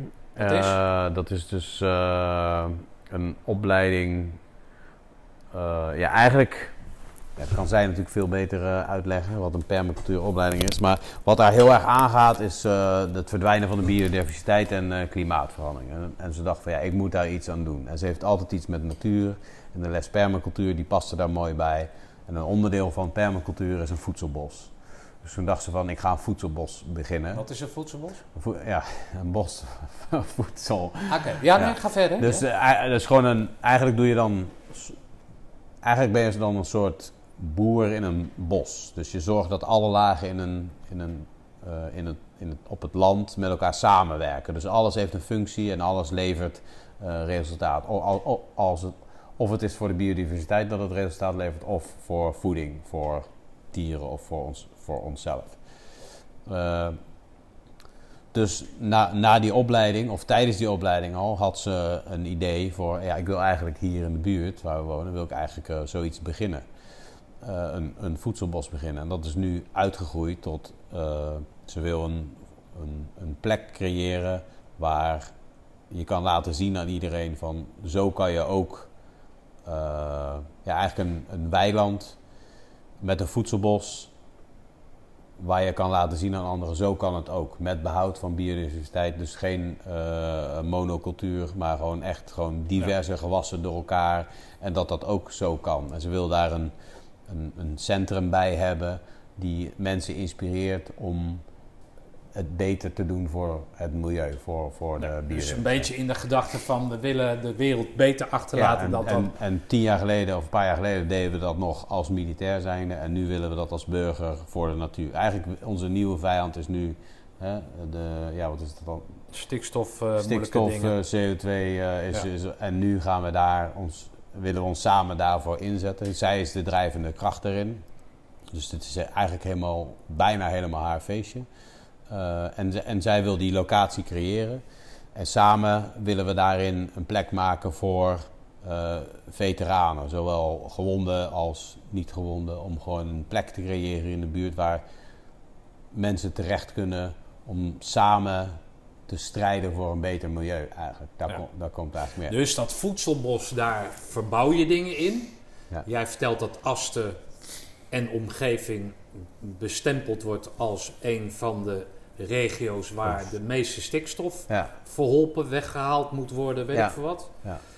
Daarvoor worden in Nederland is daar een hele grote pot geld waar boeren mee uitgekocht worden.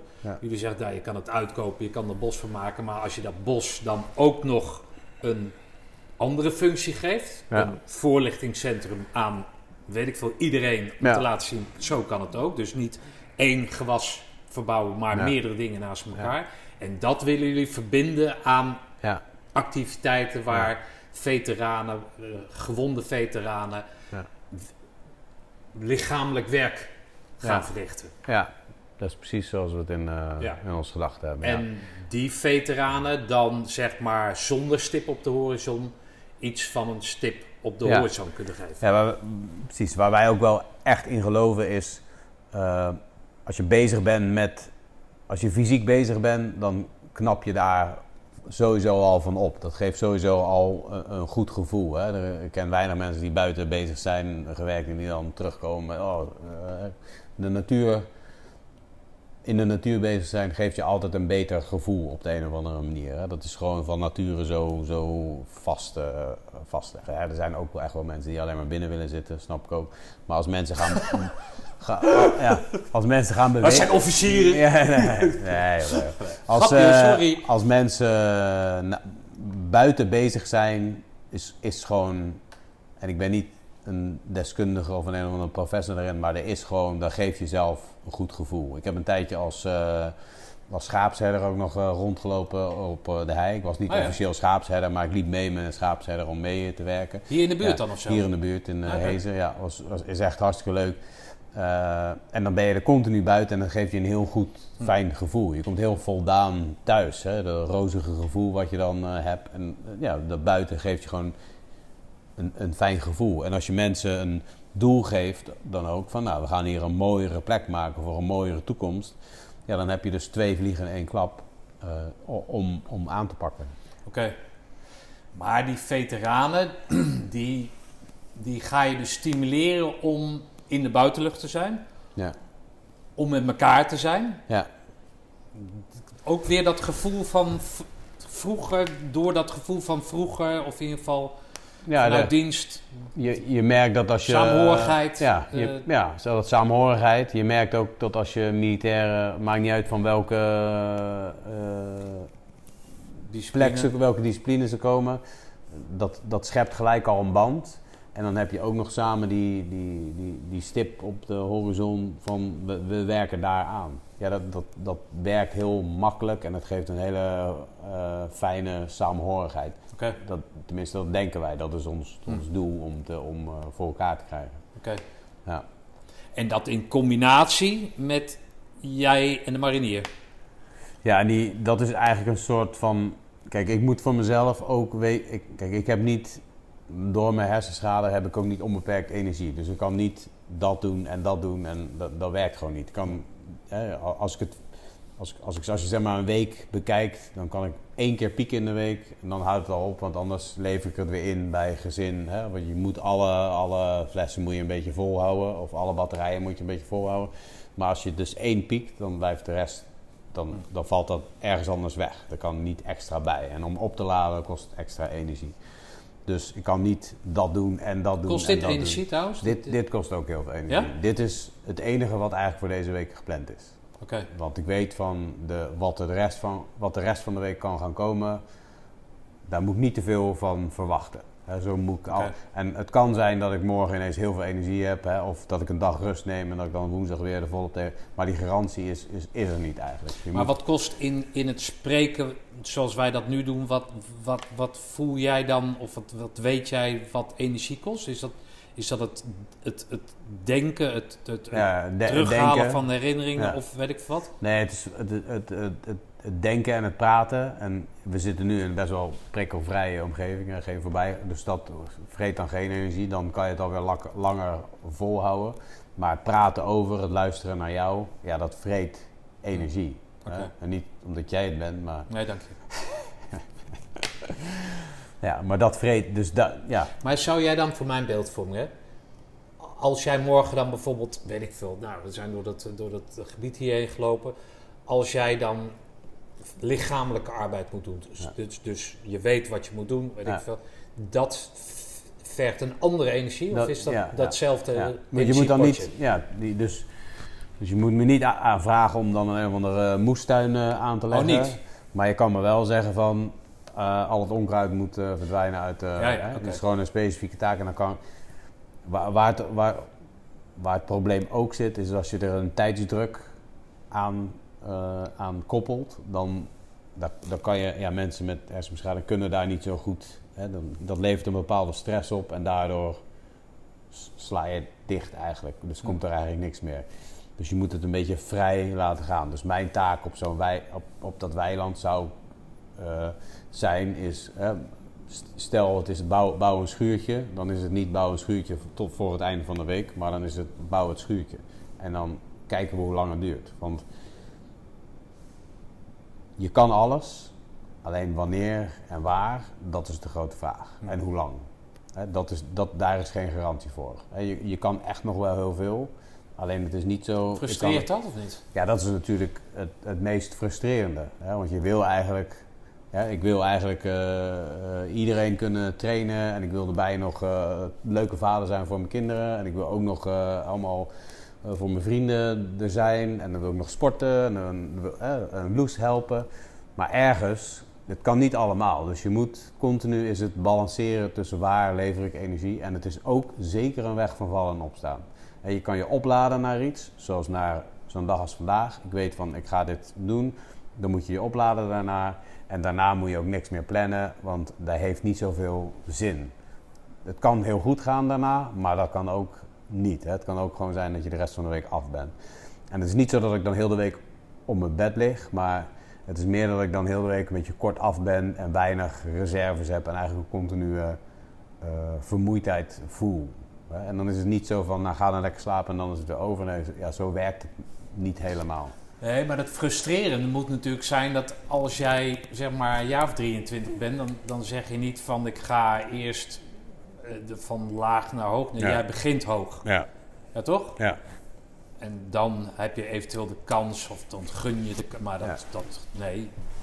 En Ja. nu is het van één piekmoment en de rest van de week moet je dan inrichten op, gericht op dat ene piekmoment. Dat moet frustrerend zijn, dat kan niet Ja, anders. ja, dat is zeker. Ja, Maar dan Ja. is er ook weer één weg, het is maar het achteruit, dat- ja. toch? ja. Heeft Ja. geen zin. heeft geen zin. En nee. dan moet je vooruit. Je moet vooruit. Ja.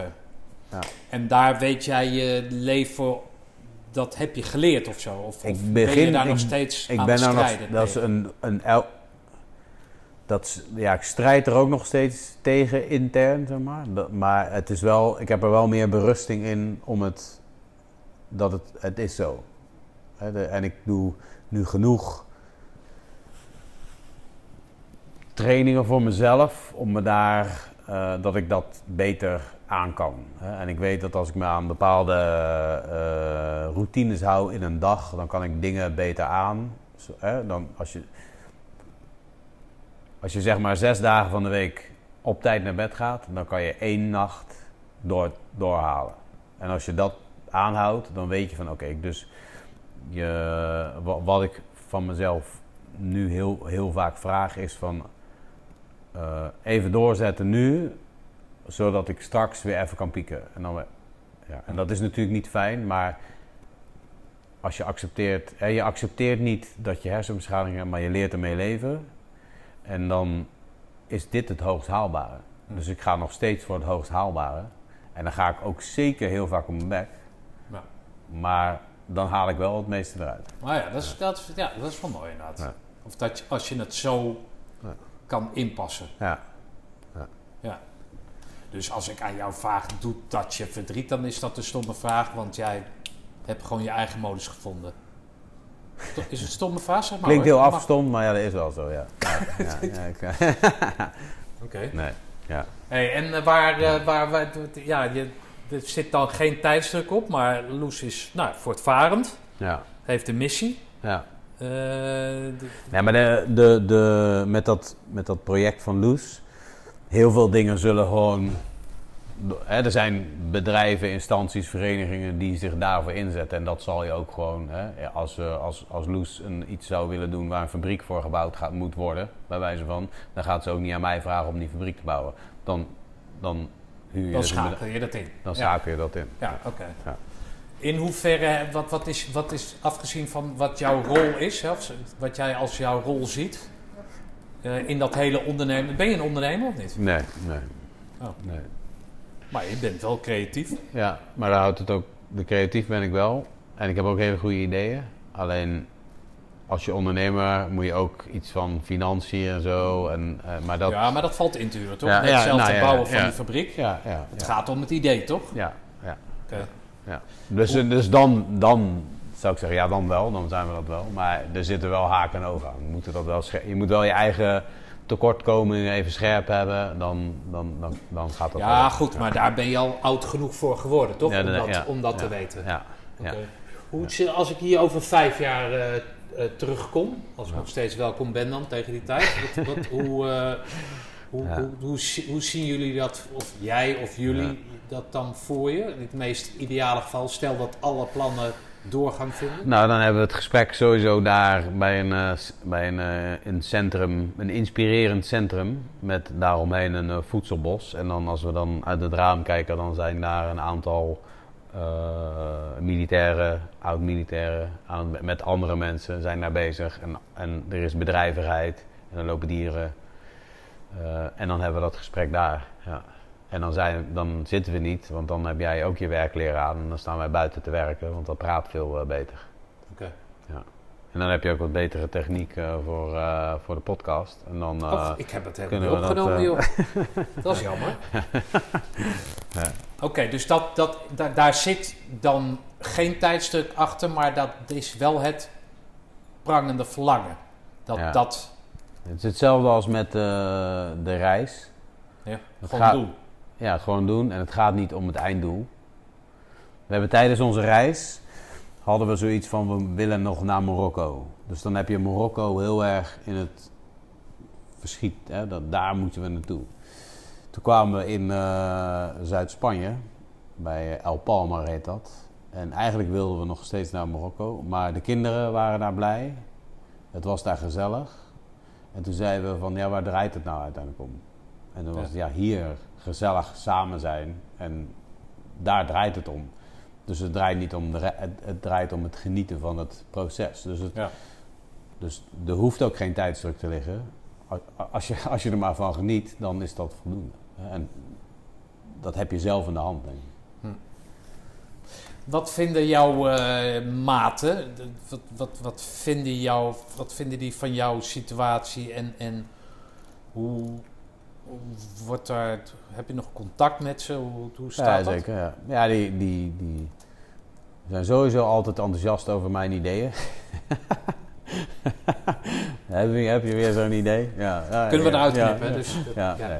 Nee, maar Nee, dus eh, die, die, die... jij zegt dat, dat je één keer in de zoveel tijd... Hè, Ik, ik je hoeft ze niet te spreken om te weten dat daar een band is voor het leven. Maar hoe, hoe weerhoudt zich dat nu dan? Zij zijn overal aan het springen weer en gedoe. En, eh, nou, jij zet vooruit, achteruit kijken heeft geen zin. Ja. Hoe, hoe, hoe kijken ze tegen jouw plan? Hoe, hoe zien ze jou eigenlijk? Ja, dan denk ik eerst dat je dat aan hun zou moeten Ja, maar vragen. goed, ik ben nu maar, hier. Ja, maar ik, ja... Ik hoop dat ze me zien als iemand die... eh, acht keer valt en acht keer of negen keer opstaat. Dat weten ze van je, toch? Ja, ja. Dus, dat, dus Ze hebben vertrouwen in dat het goed komt. ja, ja. Oké. Ja. Dat voel En- je ook zo. Ja, ik voel dat en ik voel me ook eh, gesteund door eh, de maten eigenlijk. Ja, daar heeft het eigenlijk nooit aan gelegen. Oké. Degene die ik dan geregeld spreek en zo, die, die dat is altijd, ja, daar, heb je altijd, daar word je altijd door gesteund. Ja. ja, hoe ze me zien zou ik niet, dat, dat zou ik niet weten, heb ik ook nooit gevraagd. Of, ja. Nou, ik, ik, ik zou me kunnen voorstellen dat als je zo hechte groep bent, een hechte groep bent, dat je elkaar in die dingen vindt, elkaar hè, dat schouder aan schouder, dat je dan vertrouwen hebt in dat als het met jou slecht gaat, dat hij er wel uitkomt. Dat bedoel ik eigenlijk meer. Ja. Ja, ik heb een van Dai, die had voor mij in zijn boek geschreven. Dat vond ik wel mooi verwoord over hoe dan iemand naar mij kijkt. Carter eh, van Kamp Koningsbrugge, die, ja, die ja. heeft een boek geschreven. Ja, die heeft een boek laatst. geschreven en daar noemt hij mij dan eh, ook in. Dan heeft hij het over eh, dat ik, omdat ik te veel in de buurt ben geweest bij, bij explosieven, heb ik traumatic brain injury. En dan zegt hij van, hè, daardoor is hij niet meer in staat het werk te doen wat hij met zoveel passie en liefde deed. Maar hij kiest ervoor om met waarde zijn lijden te dragen. Nou, als vrienden mij zo zien, dan ben ik een gelukkig man. En als iemand dat dus zo opschrijft, dan denk ik dat hij mij zo ziet. Dus dan, of dan weet ik dat hij mij zo ziet. En ik denk dat meerdere mij zo zien. En ik hoop dat ik dat ook kan zijn als voor mensen die ook in mijn situatie zouden komen. Van, dat ik inspireer van... En ik doe het niet om te, zodat mensen zien van... Oh, wat een inspiratiebron. Maar ik het zou fijn zijn als ik, als ik invloed heb op één iemand die dan met mij mee in de positieve flow gaat. Maar dat is dan, hè, want ik vraag je nou dat zeg jij ik hoop, maar dit wordt dan op papier bevestigd. Ja, Is toch mooi of niet? ja zeker. Wat doet dat dan als je dat, als je dat dan Dat, voor dat de me eerste keer leest? Dan denk ik van, oh ja, dit is wel mijn, mijn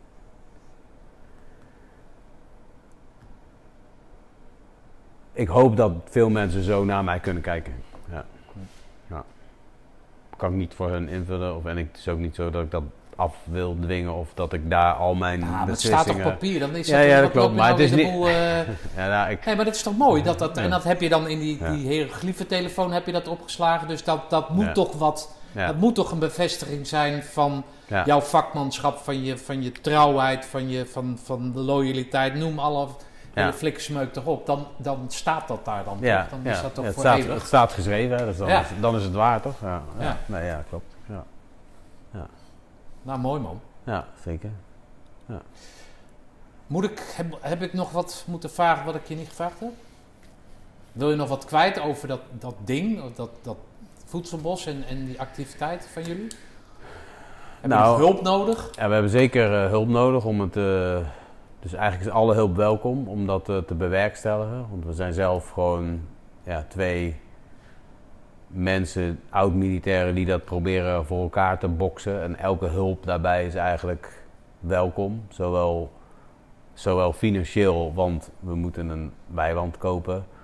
eh, als eh, gewoon kennis en ervaring van andere mensen die dat hebben en die ons daarmee vooruit kunnen helpen. Oké. Dus als iemand dat heeft of iemand weet, dan is dat meer dan welkom. Ja. Oké. Want we hebben een. Kijk, we hebben ook. We hebben niet het idee om heel veel geld met dat voedselbos te gaan te verdienen. Want dat is helemaal niet ons doel. Ons, ons doel is gewoon, we, we moeten gewoon normaal kunnen rondkomen. En alleen we willen een hele fijne plek creëren waar mensen graag naartoe gaan. En wat een voorbeeld kan zijn voor, Voor meerdere voor meerdere. Ja, voor meerdere. Ja. Ja.